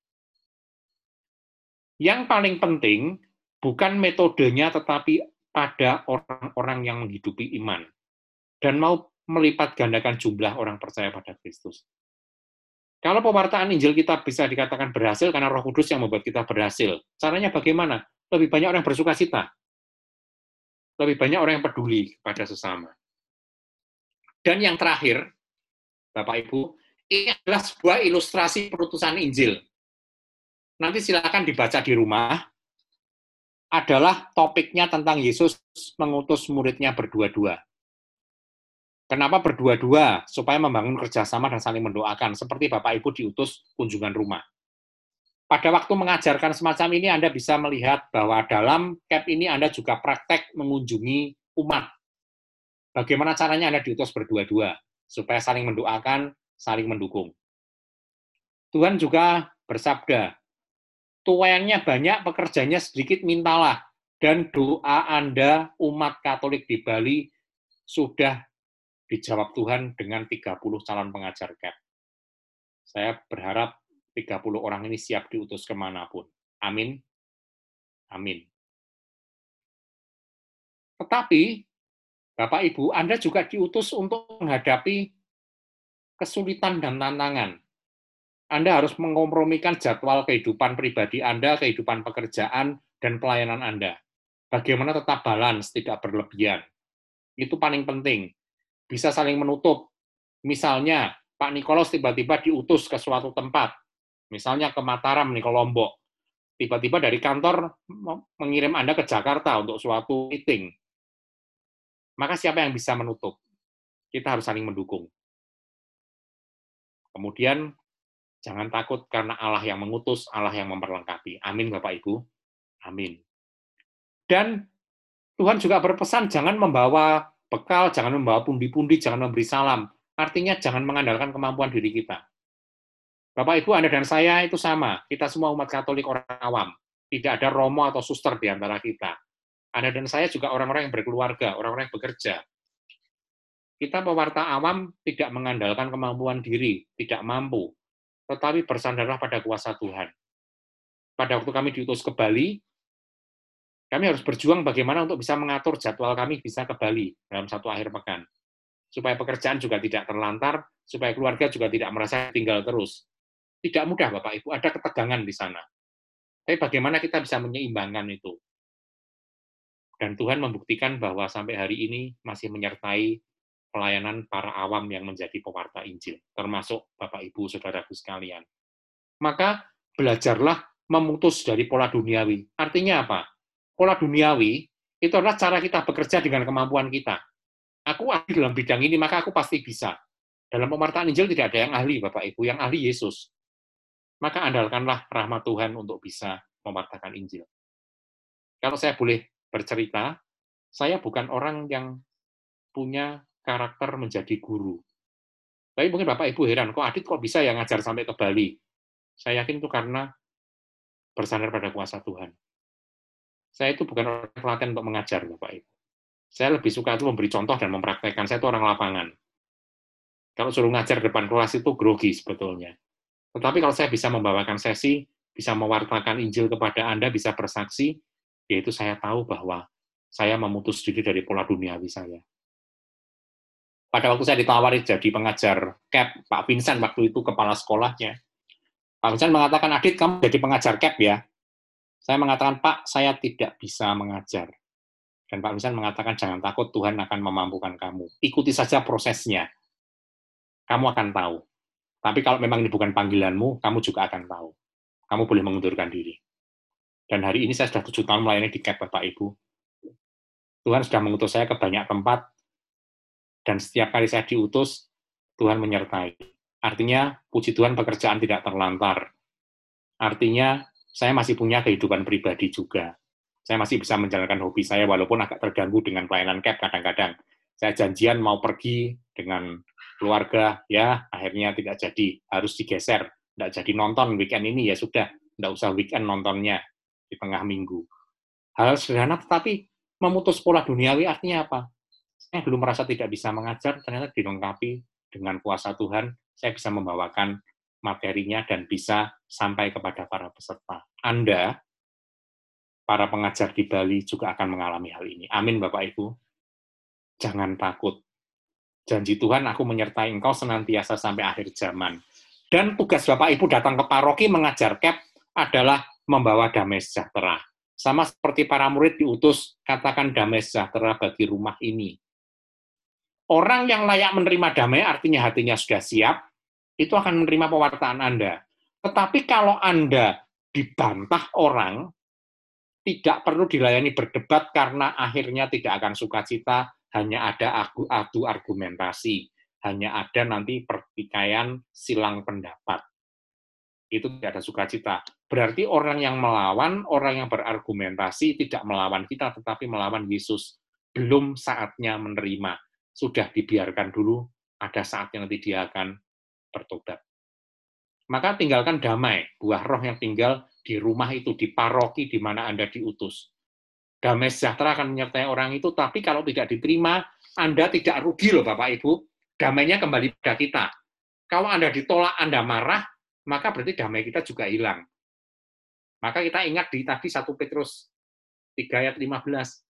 Hendaklah dalam mempertanggungjawabkan iman kita bersaksi kita dengan lemah lembut dan hormat, tidak berbantah-bantahan. Dan ayat ketujuh dari perikop ini mengatakan jangan berpindah-pindah. Anda memberi saran kepada umat kalau engkau sudah berkomunitas di komunitas tertentu, ya sudah bertumbuhlah di situ. Beri waktu untuk engkau berbuah.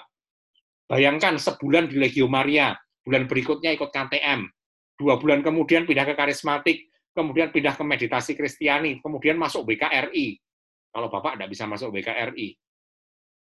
Bisa dibayangkan, Anda tidak pernah tumbuh. Seperti Anda mau menanam mangga misalnya, bijinya baru seminggu dipindah ke pot, habis itu pindah pot lain lagi, taruh ke tanah. Kayaknya nggak bagus pindah ke depan rumah.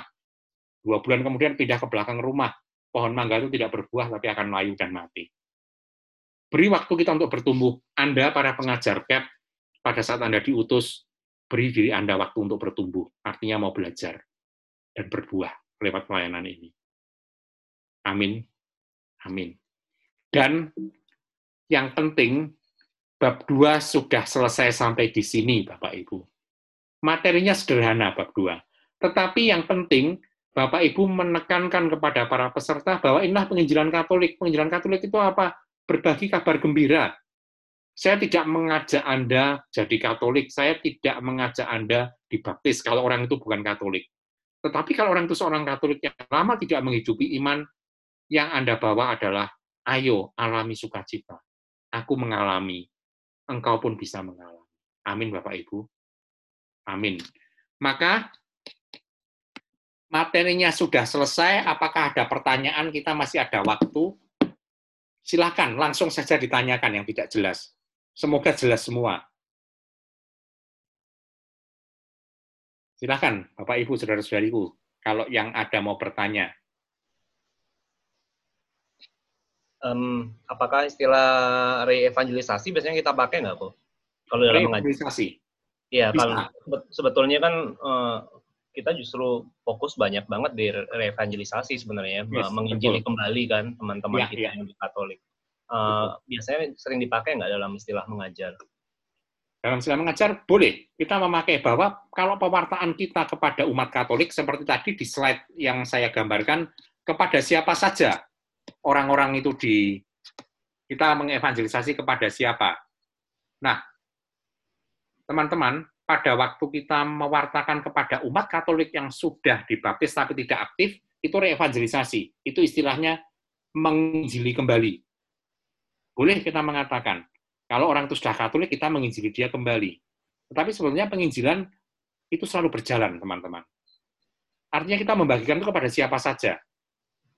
Bisa diibarkan begini, seperti perumpamaan penabur. Tuhan keluar menaburkan firman. Kita pekerja Tuhan juga menaburkan firman. Ada yang jatuh di tanah yang berbatu-batu. Ada yang jatuh di tanah yang tanahnya tipis. Ada yang jatuh di semak berduri. Ada yang jatuh di tanah yang subur. Itulah kondisi hati umat kita. Tapi bayangkan kalau penabur itu tidak datang dan tidak menaburkan. Kalau tanahnya berbatu-batu, ya kita bantu untuk mencungkil batunya keluar. Mungkin umat itu luka batin, teman-teman. Butuh konselor. Begitu kita melihat, kita bisa mengatakan kepada panitianya, ini bapak atau ibu ini sepertinya pernah mengalami sebuah trauma atau luka. Bisa tidak ditemukan dengan pastor untuk menerima konseling. Maka itu bagian dari evangelisasi yang dikatakan Ari tadi. Supaya orang itu mengalami sukacitanya kembali. Maka boleh istilah itu dipakai untuk orang-orang Katolik. Tetapi untuk umum, siapa saja adalah pewartaan Injil. Kira-kira begitu, Bro Ari? Yes. Ya, silakan. Yang ada yang lagi, kita diskusi aja bebas. Jadi, mungkin boleh tanya tips mengajar atau apa. Prinsipnya begini, teman-teman.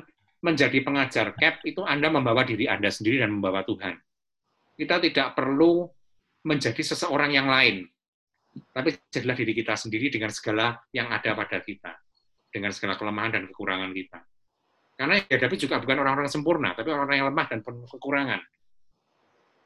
Maka seorang pewarta Injil boleh untuk merenungkan kembali bacaan kitab suci seperti ini. Suatu hari para murid melihat ada orang yang buta dari lahirnya di bait Allah, mengemis. Dan para murid bertanya pada Tuhan, Tuhan, orang buta ini salah siapa? Salah dia, dosanya dia atau dosa orang tuanya? Masih ingat ya teman-teman ya? Apa yang jawab Yesus? Bukan dosa dia dan bukan dosa orang tuanya. Tetapi supaya kemuliaan Allah dinyatakan. Maka Anda dan saya diutus ke paroki-paroki dengan segala keterbatasan dan kelemahan kita. Anda mungkin men-sharingkan sebuah pengalaman kelemahan Anda bukan untuk mempermalukan diri, tetapi untuk menunjukkan Allah yang berkuasa. Bapak Ibu ada seorang bapak di Semarang pengikut CAP, orangnya gagap. Tapi dia selalu mau sharing. Kalau dia mau sharing tuh kadang teman-temannya di CAP itu menunggu. Karena dia untuk meletuskan kata pertama tuh begitu lama. Mm, mm, mm, begitu. Mau tertawa juga nggak sampai hati. Tetapi yang luar biasa apa? Dengan berjalannya waktu dia sering sharing, lama-lama gagapnya tuh agak berkurang begitu. Dan pada waktu retret perutusan, dia siaran dengan lancar, dia mengatakan, Tuhan itu baik, saya ngomongnya susah, tetapi saya masih bisa membagikan. Bapak ini sungguh-sungguh membawa dirinya sendiri. Dia tidak malu bahwa dia seorang yang gagap. Tapi justru dalam keterbatasannya semua orang melihat Allah yang mulia karena apa? Memberi kekuatan pada orang yang gagap untuk bisa membagikan pengalaman ini. Bapak Ibu kami punya seorang rekan pengajar di Semarang yang kena kanker. Seorang ibu, seorang ibu kena kanker, sampai harus kemoterapi, kepalanya botak. Kalau dia ngajar di cap, sering kali membuka wignya, jadi kelihatan kepalanya itu botak. Kalau ngajar pada waktu dia masih kemo, sering kali mual. Tengah-tengah pelajaran dia minta izin ke toilet. Untuk apa? Dia harus mengeluarkan isi perutnya, muntah-muntah. Kadang perutnya mulas, harus pergi ke belakang. Di tengah keterbatasannya dia bersaksi, dan justru dalam kelemahannya itu orang melihat Allah yang luar biasa. Dan akhir ceritanya indah. Ibu itu sembuh. Bersih dari kankernya. Dan kesaksiannya makin bergema. Maka Bapak Ibu, teman-temanku, Anda membawa Yesus ada dalam setiap kelemahan kita, dalam kekurangan kita. Jangan takut. Amin. Amin. Baik, silahkan ada pertanyaan yang lain. Boleh mau tanya apa saja. Dari materi mungkin ada pengalaman mengajar juga boleh. Ini sampai jam berapa, Bro Ari? um, sebetulnya uh, kemarin mikirnya dua sampai dua setengah jam ini dua dua setengah jam kita. Dua setengah jam. Kalau ada satu dua pertanyaan silahkan. Ya silakan. Ada satu dua pertanyaan. Uh, Pak Aditya. Iya silakan. Numpang nanya ya.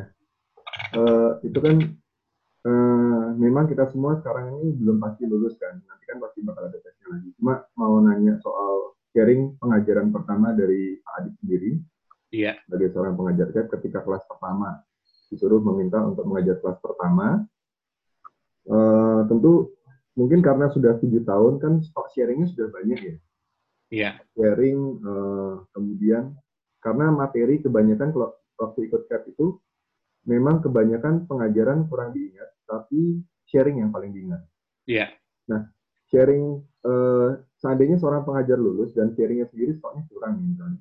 Meskipun dia menggali, dia bersiap, dan memang Tuhan yang akan memperlengkapi ya. Yeah. Memang eh, apa namanya imannya kan begitu. Tapi yeah. pada akhirnya seorang pengajar sendiri kan harus mempersiapkan dirinya secara maksimal ya. Yeah. Semua. Entah Roh Kudus nanti bekerja. Uh, nah, ketika kesempatan ibaratnya menangkap orang itu kadang-kadang kebukanya kesempatan itu cuma sekali. Jadi terkadang ketika uh, kemudian uh, sharingnya gimana, kemudian pertama bubar misalnya gitu uh, ibaratnya kesempatannya kan misalnya hilang gitu yeah. Iya. uh, kemudian nah sharing model uh, maksudnya saya adalah mempertanyakan kemungkinan yang terburuk kira-kira sharing-sharing dari pengajar uh, kemungkinan-kemungkinan seperti itu hal-hal terburuk yang terjadi misalnya gitu hal terburuk dalam kita mengajar begitu ya ya uh, Ya, karena itu tadi ya, meskipun mempersiapkan secara terbaik, Tuhan akan memperlengkapi. Tapi terkadang uh, itu uh, stok sharingnya kurang, tidak terlalu mengena, meskipun sudah dipersiapkan secara terbaik. Ya, baik. Jadi ini namanya sama dengan saya Pak Aditya juga ya namanya ya Pak. Baik Pak. Jadi begini Pak Adit, pada waktu kita mengajar CAP, itu pasti kita sebagai pengajar mempersiapkan diri dan belajar dulu. Maka paling baik cara kita menemukan sharing, Anda semua kan sudah lulus CAP, betul ya? cobalah memakai metode empat kebenaran pokok kisah Kristus bab 7. Empat kebenaran pokok itu adalah cara Anda dan saya melihat peristiwa hidup sehari-hari. Seperti tadi saya ilustrasikan. Rencana Allah baik atau tidak? Baik. Namun sering kali kita tidak bisa melihatnya. Maka cara kita mempersiapkan diri bagaimana? Setiap hari kita melihat peristiwa-peristiwa hidup harian. Kalau malam mungkin ada doa malam sebelum tidur. Coba ingat peristiwa satu hari ini. Di mana Tuhan berkarya dan menolongku Pasti ada dong. Nah, kita catat. Namun, dalam peristiwa itu, pasti aku juga menyadari aku punya kelemahan dan kekurangan. Itu masalah kita. Kebenaran kedua. Tetapi Allah punya cara untuk menjawab kita. Selalu ada cara. Dan itu kita rasakan karena refleksi kita harian selalu muncul. Kebenaran ketiga. Dan bagaimana aku menanggapinya.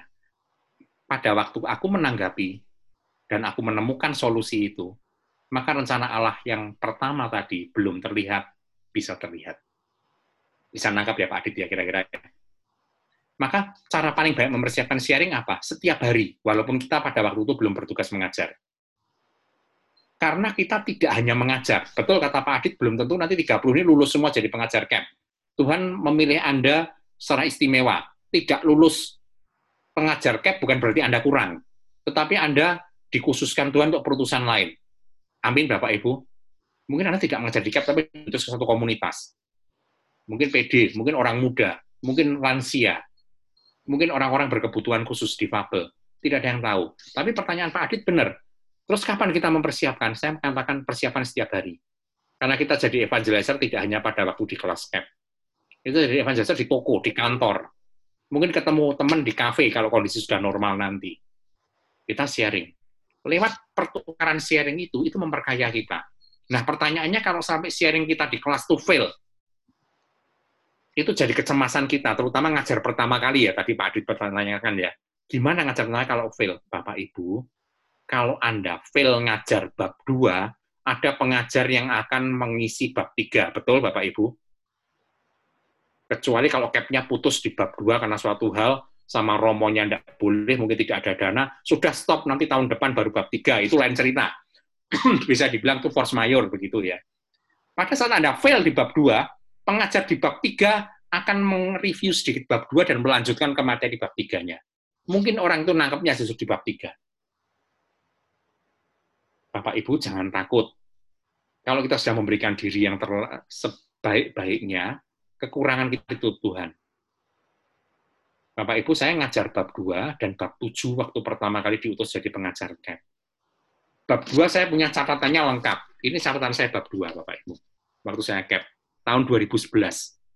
Masih ada, maka pada saya belajar lagi, saya bisa mengikuti bab 2 di tracking lagi. Dan saya sering ngajar bab 2 di Semarang. Kemudian apa yang terjadi? Waktu saya diutus bab 7, karena waktu kami masih kekurangan pengajar, jadi harus ambil dua bab langsung. Saya cari di buku yang sama, catatan bab 7 tidak ada. Kenapa? Pada waktu saya tugas kantor luar kota, saya dua malam tidak ikut bab 7. Dan saya waktu itu panik karena saya tidak punya catatan. Kemudian apa yang dilakukan? Saya ngajar bab 7. Tetapi percayalah Pak Aditya, pada saat Anda pertama kali ngajar, Anda tidak akan dilepas sendirian. Tetap akan ada pengajar yang mendampingi Anda. Skenario-nya begini, kondisi masih offline, eh masih online semacam ini. Pak Adit ngajar bab 2, Hari ini adalah bab dua untuk CAP mana misalnya, CAP Katedral dan Pasar. Pengajarnya Aditya dari Keuskupan Bali dan Aditya dari Keuskupan Semarang. Dua Aditya mengajar bab dua, memungkinkan atau tidak, Pak Adit? Mungkin. Saya sebagai pengajar yang lebih dahulu bertugas, Anda sebagai pengajar baru. Saya akan kasih Anda kesempatan ngajar dulu. Anda sharing, memberikan materi. Sebagai pengajar baru mungkin masih ada kekurangannya dan saya mencatat, oh tadi ini belum dibahas, belum dibahas. Pada akhir, saya akan membantu untuk menyimpulkan untuk Anda. Itu metode pendampingan pengajar baru. Kami di Semarang pada waktu kondisi offline, ngajar di kelas, pengajar seniornya di belakang, pengajar juniornya ngajar di depan. Mungkin separuh sesi, separuh berikutnya yang senior, menutup kekurangannya. Setelah mengajar bersama selama beberapa kali, pengajar juniornya menjadi semakin percaya diri, sharingnya makin berkembang. Kemudian setelah dilihat mantap, dilepas jadi pengajar mandiri. Saya pun dulu juga begitu. didampingi oleh senior saya, kemudian pelan-pelan mulai dilepas. Kalau gagal bagaimana? Jangan takut. Kita hanya alat, kita hanya sarana. Tapi roh kudus bekerja dalam hati orang itu, Pak. Maka saudara-saudariku, Anda berikan diri Anda yang sebaik-baiknya. Ngajarlah yang terbaik, berikan materinya, berikan sharing yang asli, yang Anda alami, atau sharing yang cocok tetapi dari seorang teman. Maka saya tadi mengatakan ada sharing, ini sharing teman saya, begini. Kalau resource-nya bagus, boleh. Tetapi karena kita tidak mengalami, tentu tidak sehidup kalau yang kita mengalami. Tapi boleh untuk ilustrasi. Saya men-sharingkan pengalaman pengajar lain. Saya men-sharingkan pengalaman seorang peserta CAP atau SEP di mana. Tentu dengan kerahasiaan. Kita tidak perlu menyebutkan nama. Begitu ya Pak Adit ya. Jadi jangan takut. Kalau masih belum masuk, Roh Kudus akan mengolah. Itu secara iman kita, kebenaran iman. Tetapi juga secara teknis pengajaran, ada bab berikutnya akan menutup kekurangan kita di bab depan. Maka kalau Anda memilih dan terpanggil dan lulus dan memegang bab dua, Bab dua adalah bab kunci di depan, yaitu menjelaskan proses evangelisasi. Prosesnya sederhana, hanya lingkaran tadi siklus penginjilan. Itu yang harus Anda jelaskan. Empat hal dari perutusan agung, pergilah, jadikan bangsa muridku, baptislah, ajarlah. Diturunkan menjadi evangeli nunsiandi. Lima langkah penginjilan yang kita lakukan sehari-hari. Berteman, sharing iman, membagikan kisah Kristus atau kebenaran Injil, ngajak bertobat, dan yang terakhir apa, Bapak Ibu? Integrasi komunitas. Poinnya hanya itu. Anda bisa tidak melakukan lima langkah ini dalam hidup sehari-hari? Bisa. Ajak peserta Anda untuk menyadari evangelisasi sederhana. Satu tips. Tadi Pak Adit ada kekhawatiran. Bagaimana kalau tidak masuk materinya gitu ya Pak kira-kira ya? Salah satu tips untuk membuat masuk di awal adalah meminta mereka sharing berdua-dua dalam satu kelompok peserta CAP, itu pasti ada orang-orang yang berani untuk bicara di depan kelas. Ada yang orangnya masih malu-malu. Tapi kalau sharing berdua, semua orang pasti mau. Betul tidak Bapak Ibu? Anda dulu pernah saya minta ajak untuk sharing berdua-dua waktu di kelas? Kalau masih ingat, pasti itu memang cara, cara saya mengajar begitu. Pada saat peserta sharing berdua-dua, mereka membagikan dan mendengarkan. Kemudian saya akan tanya, saya akan ambil sampel. Bapak dan Ibu ini, tadi sudah saling sharing, sudah. Teman satu lingkungan, bukan Pak, baru kenal di sini kami beda paroki, misalnya begitu. Pak, apakah sharing dari teman barumu ini meneguhkan engkau? Ya. Anda suka cita? Ya. Saya tanya kepada Ibu yang membagikan sharing, Ibu, apakah Anda suka cita dengan membagikan sharing imanmu pada Bapak ini? Dan orang biasanya pada saat menceritakan hal yang baik, mereka merasa apa Bapak Ibu? Sukacita. Begitu sudah begitu, ibu sukacita yang menceritakan. Betul, Pak. Bapak yang mendengar sukacita, ya. Sebaliknya bagaimana? Kita tanya kebalikannya, kan? Dan Bapak mengatakan, tadi saya begitu bersemangat. Dan Ibu, ya betul, Bapak ini semangat sekali dari ceritanya. Saya merasa diteguhkan dengan pengalaman imannya. Kalau orang ini mau sharing ke depan, mau enggak Bapak Ibu sharing depan kelas? Kalau saya tidak mau, enggak apa-apa, kita pindah ke orang lain. Kalau mau, suruh sharing di depan kelas apa toh berkat hari ini? Maka pertanyaan sharingnya sederhana, Bapak Ibu. Apa berkat yang Anda terima dari Allah hari ini? Simple kan?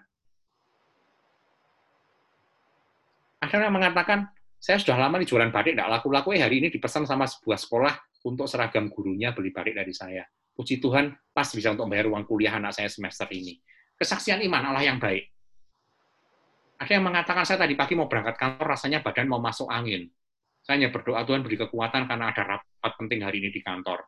Dan puji Tuhan sampai sore ini saya segar, saya bisa ikut cap, datang dengan segar, tidak jadi masuk angin. Sederhana tidak Bapak Ibu? Sederhana. Kemudian saya mengatakan, Pak dan Bu, Anda berdua barusan saja menjadi pewarta. Betul Bapak Ibu? Simpel kan? Maka Pak Adit, kalau Anda takut sharing Anda kurang bagus, biasanya kaki pengajar baru merasa begitu ya, aduh sharingku kurang bagus nih, nggak mantep nih.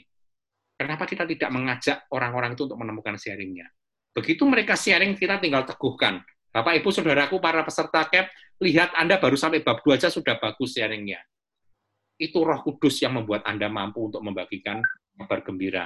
Maka Anda adalah para evangelizer. Mari beri aplaus untuk Anda semua. Mereka tepuk tangan kan makin bersemangat gitu ya. Itu cara kita membangkitkan semangat. Bab 2 masih bab depan Bapak Ibu. Kadang-kadang kita perlu kasih gimmick begitu. Gimmick itu hadiah-hadiah kecil Anda boleh beli rosario sederhana. Ayo siapa yang sharing nanti dapat rosario sudah diberkati oleh Romo. Pasti mau dong. Anda datang bisa lewat panitia, eh panitia saya mau ngajar bab 2 nanti minggu depan. Boleh enggak saya titip, saya punya 10 rosario, mintakan berkat dari Romo. Udah, rosario dari berkat. Ini hadiah sudah diberkati Romo. Siapa yang mau sharing? Boleh, itu trik saja. Tetapi apa? Sharing para peserta memperkaya pengajaran kita. Artinya apa? Pak Adit dan teman-teman di Bali mungkin merasa pada waktu awal gimana ya saya ngajar pertama kali. Nah, saya mau sharing pengalaman. Ngajar pertama kali saya berkeringat dingin, Bapak Ibu. Saya tidak suka mengajar, tapi kalau di kantor saya kalau untuk presentasi bisa, karena presentasi berhubungan dengan pekerjaan itu bukan hal yang sehari-hari saya lakukan. Anehnya, orang biasa presentasi begitu ngajar cap badannya keringat dingin semua. Rasanya mau ngomong itu susah. Saya sudah berdoa, sudah apa malah mentor saya di belakang menyemangati, ngasih jempol gini, ayo kamu bisa, kamu bisa. Akhirnya dengan grogi, saya tetap berjalan. Dan Bapak Ibu, pada waktu selesai mengajar, pengalaman pertama saya, ada peserta ada waktu break makan malam karena waktu malam hari, mengatakan, Pak, tadi sharing Bapak itu saya juga ngalami. Hanya itu saja mengatakan, itu peneguhan untuk saya. Ternyata apa? Dia diingatkan kembali tentang pengalaman imannya. Sesederhana itu Bapak. Maka kalau triknya tadi suruh sharing berdua-dua, kalau Bapak Ibu punya 30 peserta, ada 30 sharing iman hari itu di kelas itu. Amin. Dan Bapak Ibu tinggal meneguhkan, Bapak Ibu sekalian selamat, Anda semua pewarta Injil. Loh, buktinya mana? Barusan Anda sudah saling mewartakan Injil. Betul? Amin. Peserta mengatakan, amin. Ya, sesederhana itu mewartakan Injil. Itu tugas kita di bab 2, karena bab 2 itu masih awal. Kita perlu menyemangati, Bapak Ibu. Dan pada saat kita menyemangati peserta, kita pun sebagai pengajar, grogi kita akan turun sedikit. Itu yang saya alami begitu. Ngajar kedua masih grogi, tapi sudah lumayan, ada pengalaman pertama. Ngajar kedua masih didampingi senior, saya ngajar sebagian, belakangnya senior masuk. Yang kurang ditutup oleh senior saya. Sampai dengan saya dilihat, oh, Adit sudah cukup bagus, oke dilepas sendiri, dievaluasi. Maka Bapak Ibu, Pak Ari nanti yang dari BPK dan Pasar, setiap pengajar membawakan sesi, berikan juga panitia lembar evaluasi itu untuk masukan pengajar sendiri. Nanti ada masukan begini, dulu saya sering dapat masukan ngomongnya terlalu cepat. Betul atau tidak Bapak Ibu, saya membawakan terlalu cepat tadi. Kalau masih terlalu cepat berarti pembawaan saya memang terlalu cepat, maka saya harus belajar ngerem. Atau bisa juga ngajarnya berbelit-belit maka saya harus lebih sistematis ngajarnya. Itu masuk untuk kita yang berharga. Maka Pak Ari nanti bisa dikoordinir ya kalau pengajar sudah mulai diutus, bisa. Dan mintalah masukan dari pengajar senior yang mendampingi Anda. Misal Pak Ari sama saya ngajar bareng, bab 2. Saya akan lihat cara dia ngajar. Saya akan kasih catatan saya WA, bro, ini kamu masih kurangnya begini, begini, begini. Itu feedback untuk Pak Ari untuk memperbaiki diri. Maka jangan takut teman-teman, kita di sini satu komunitas, kita satu saudara, maka Anda kalau dikritik itu karena saudara Anda mengasihi Anda kritiknya makin keras, Anda dicintai lebih lagi. Dan berarti saudara Anda ingin Anda lebih baik dalam mengajar. Amin. Baik, silakan kalau masih mau ada sharing atau pertanyaan. Mungkin satu, dua pertanyaan lagi. Boleh tentang materi, boleh tentang hal lain. Terima Jangan takut ya Pak Adit ya. Tetap bisa. Ya, baik. Yang lain lagi? Ya, Pak Adit ya. Ya. Tadi dikatakan uh, lebih sulit untuk men-sharingkan, uh, untuk apa mengevangelisasi teman atau orang yang lebih dekat dengan kita ya. Iya. Apa Pak Adit punya pengalaman untuk tips ketika mengajak orang yang lebih tua itu kan memiliki keterbatasan pengetahuan apalagi jika tidak mempunyai dasar-dasar Kristiani begitu. Iya. Ya, makasih Pak. Baik. Nah, mengevangelisasi orang lebih tua, pengalaman saya pada ayah saya sendiri, papa saya. Papa saya bukan orang Kristiani, bukan seorang Katolik atau denominasi yang lain. Papa saya itu orang tradisional, masih mengikuti agama nenek moyang. Tetapi papa dan mama saya mengirim kami anak-anaknya ke sekolah Katolik karena terkenal disiplinnya bagus. Itu biasa reason orang tua begitu ya, anak dikirim ke sekolah Katolik. Nah, maka kadang-kadang papa saya tanya, agamamu itu apa toh isinya? Saya hanya menceritakan, Pak Satrio. Papa saya tadinya tidak bisa menerima juga kok bisa ada Tuhan seperti itu? Ya karena punya pemahaman yang berbeda dari keyakinannya dia. dia punya keyakinan bahwa seorang Tuhan atau dewa itu pasti berkuasa. Karena agama-agama tradisional, agama timur seperti itu, powerful. Tetapi Tuhanmu kok mati di salib? Kalau Tuhan itu baik, kenapa kok masih ada bencana alam? Nah, itu kan pertanyaan yang sulit, betul ya? Papa saya bahkan mengatakan, kalau Tuhan itu baik, kenapa waktu tsunami di Aceh, kan tidak semua orang jahat? Kok ya kena? Nah, maka pada waktu itu kita hanya bisa men-sharingkan kebaikan Tuhan. Saya mengatakan begini, Pak, orang-orang itu semua pasti ada masa hidupnya di dunia, betul atau tidak? Iya, betul. Bahkan mamahmu pun baru umur 52 sudah meninggal. Mama saya masih muda, umur 52 sudah meninggal. Dan papa saya pada waktu itu agak sakit hati dengan Tuhan. Jadi dia mengatakan mamamu masih muda kok mati. Ini Tuhan pasti tidak adil. Bapak Ibu, saya orang-orang Katolik dan percaya pada Tuhan ditantang sekarang dan bagaimana kamu menjelaskan? Ada orang baik di Aceh kena tsunami, meninggal. Mamahmu itu orang yang paling tidak suka cari gara-gara. Kadang ada tetangga yang ngomongannya nggak enak, mamahmu tetap ramah dan menyapa sampai tetangga itu baikan kembali dengan mama saya. Jadi mama saya orangnya seperti itu, peacemaker begitu. Kok mati duluan baru umur 52? Tuhanmu jahat. Saya hanya mengatakan, Pak, setiap orang itu punya jatah masa hidup. Mama saya punya tekanan darah tinggi. Mama punya tekanan darah tinggi dari muda. Itu dari nenek keturunan. Nenek saya juga tidak berumur panjang. Umur 50 sudah meninggal. Mama saya meninggal umur 52. Karena stroke sama karena tekanan darah tinggi.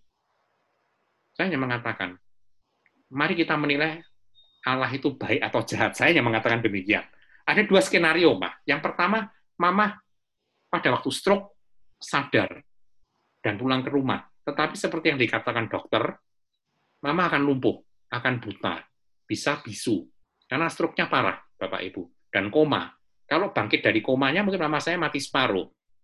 Kira-kira kalau mama diberi karunia umur sampai 70 atau 80 tahun, berarti mama masih ada 30 tahun tidak bisa apa-apa, disable. Kira-kira mama bahagia atau tidak? Oh ya, pasti tidak bahagia. Papa pun juga nggak rela mamamu seperti itu. Baik. Yang kedua, skenario sekarang, kita kehilangan mama. Tetapi mama tidak mengalami penderitaan sepanjang itu. Dalam hal ini, Pak, Tuhan baik atau jahat? Pada waktu itu papa saya hanya, mengangguk-angguk. Ya berarti jalan hidup mamamu seperti itu. Bapak Ibu, itu yang bisa saya katakan. Papa saya pada waktu itu menentang sekali dengan konsep Tuhan yang baik. Tapi kemudian melihat saya aktif di gereja, kemudian melihat saya berubah, Dulu saya orangnya emosinan. Kemudian saya mulai bisa menahan emosi saya, bisa mengendalikan diri. Saya mulai aktif di lingkungan.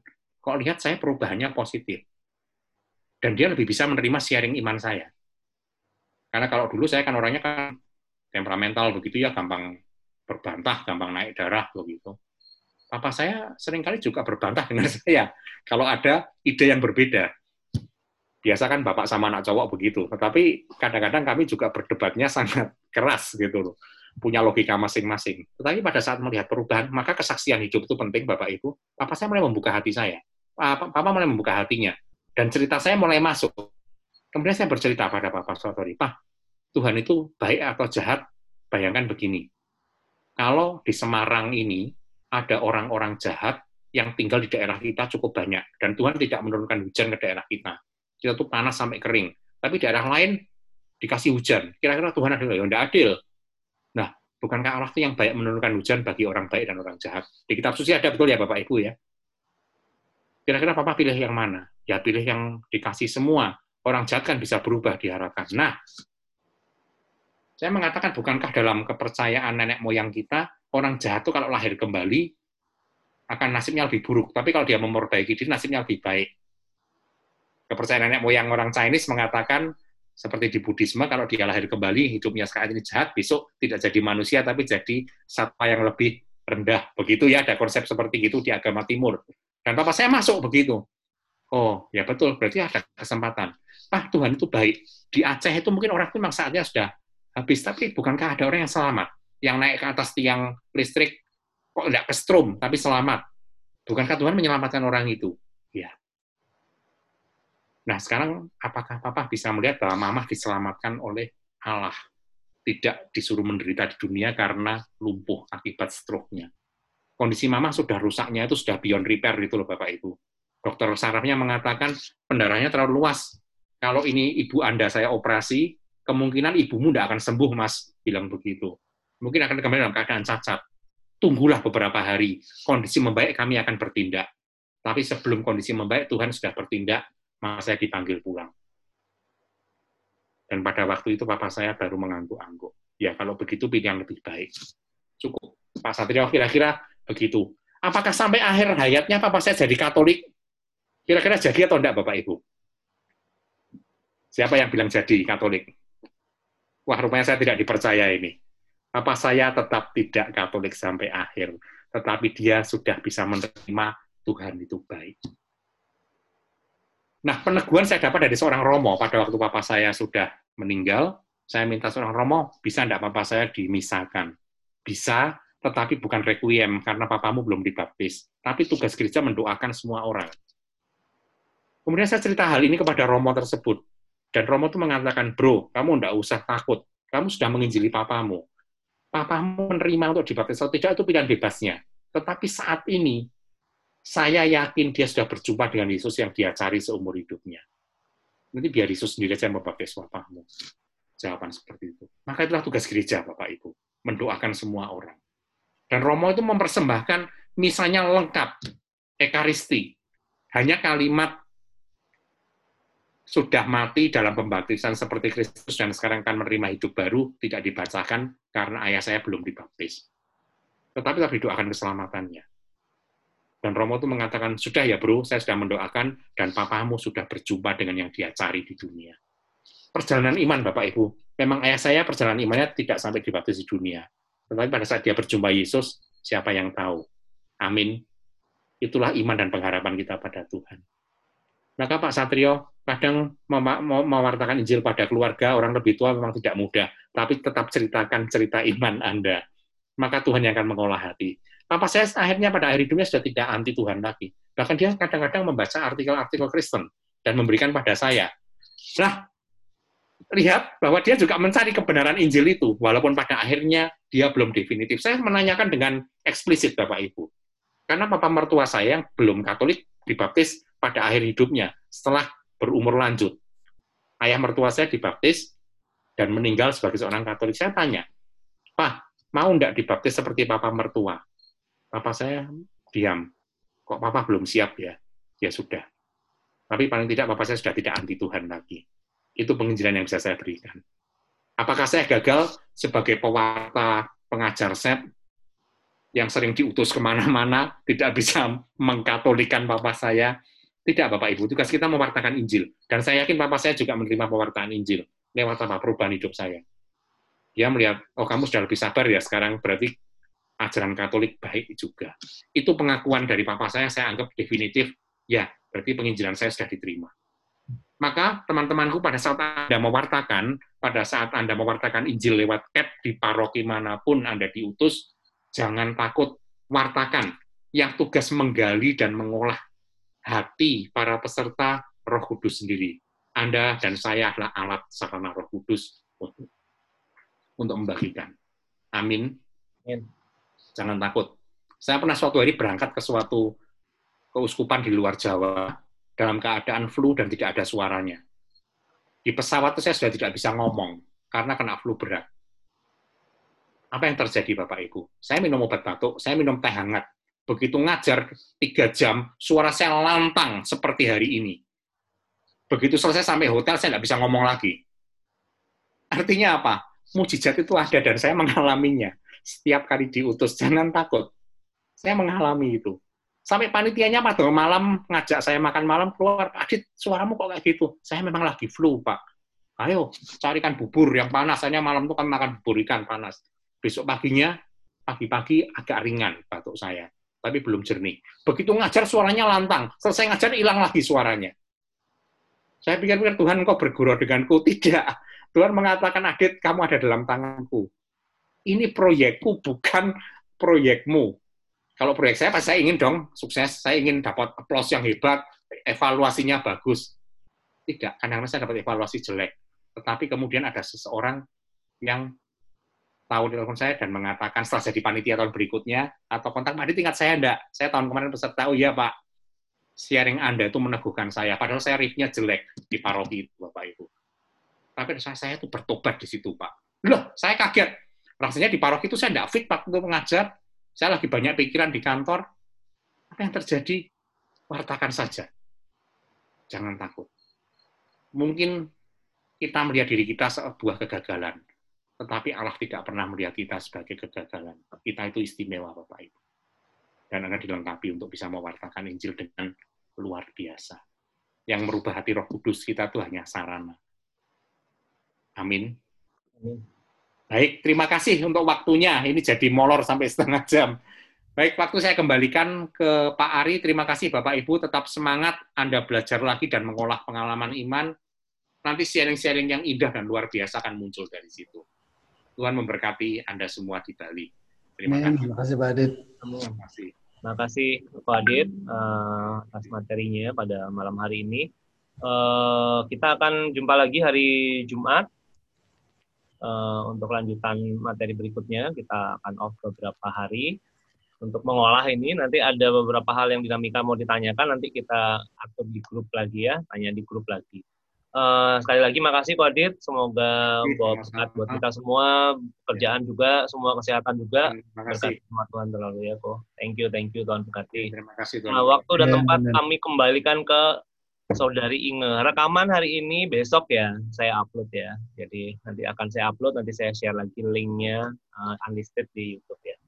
Oke, silahkan Inge, kita tutup doa. Doa aja atau pakai ujian penutup? boleh biar biar bisa bobo pujian penutup ya um, seperti sesi hari ini kita senantiasa disempurnakan selalu dalam hmm. Tuhan amin ya Bapak Ibu ya oleh karena itu sebelum kita menutup uh, pertemuan kita hari ini satu pujian yang kita mau nyanyikan sebagai doa kita dan kerinduan hati kita kepada Tuhan bahwa kita ingin senantiasa disempurnakan selalu. Bagaikan bejana yang siap dibentuk itulah diri kita semua yang senantiasa senantiasa merindukan untuk selalu dibentuk oleh Tuhan. Lebih indah lagi setiap hari sehingga kasih Tuhan boleh senantiasa diwartakan dalam setiap kesaksian hidup kita. Mari kita tenangkan hati kita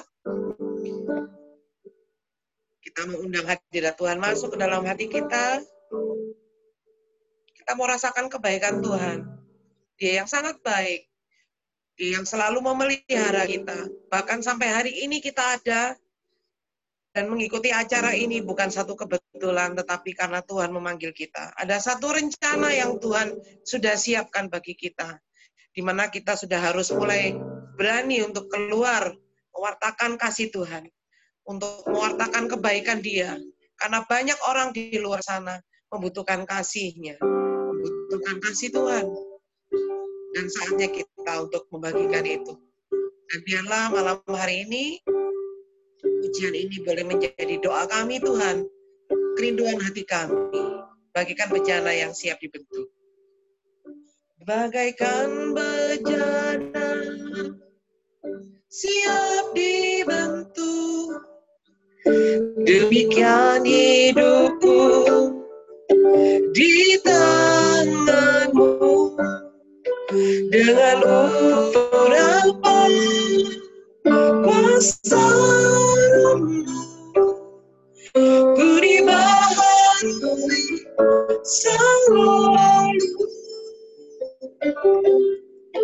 jadikan ku Allah dalam rumahmu. Inilah hidupku di tanganmu bentuklah seluruh kehendakmu.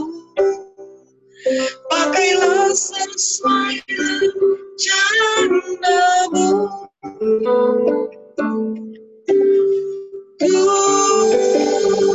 Mau sepertimu Yesus disempurnakan selalu. Disempurnakan dan selalu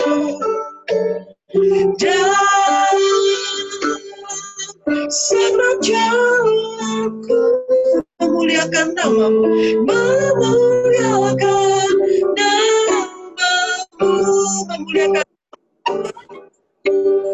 memuliakan namamu. Dalam nama Bapa dan Putra dan Roh Kudus amin. Terima kasih Tuhan malam hari ini kami bersyukur kami boleh diteguhkan di dalam pengajaran, juga di dalam setiap kesaksian yang boleh dibawakan oleh Pak Adit pada malam hari ini. Kiranya Tuhan Yesus setiap materi yang boleh kami terima malam hari ini boleh senantiasa bertumbuh di dalam kehidupan kami, mengakar di dalam kehidupan kami Tuhan. Untuk kami boleh lebih lagi bertumbuh dan juga membagikan tentang kasihmu kepada banyak orang, terutama kepada saudara-saudari kami yang di dalam paroki kami masing-masing, Tuhan, juga keluarga kami. Terima kasih Tuhan Yesus, dan saat ini kami akan menutup pertemuan kami. Biarlah Tuhan penyertaan-Mu atas kami, berkat-berkat atas kami Tuhan boleh dicurahkan, dan kami akan bertemu kembali minggu depan. Biarlah Roh Kudus-Mu senantiasa menuntun kami juga khususnya untuk istirahat pada malam hari ini Tuhan, biarlah kami serahkan ke dalam tangan pengasihan-Mu Bapa. Terima kasih Allahku, dan biarlah segala kemuliaan hanya kepada Allah Bapa, Putra, dan Roh Kudus, seperti pada permulaan, sekarang, selalu, dan sepanjang segala abad. Amin. Dalam nama Bapa, Putra, dan Roh Kudus. Amin. Silakan, Ko Ari.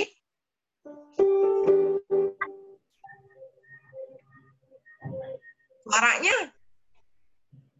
Suaranya ya, masih malam, selamat malam. Selamat ya, malam semua. Selamat beristirahat semuanya. Berarti thank you. Tuhan berkati ya. Terima kasih. Yuk, Tuhan berkati semua. Istirahat.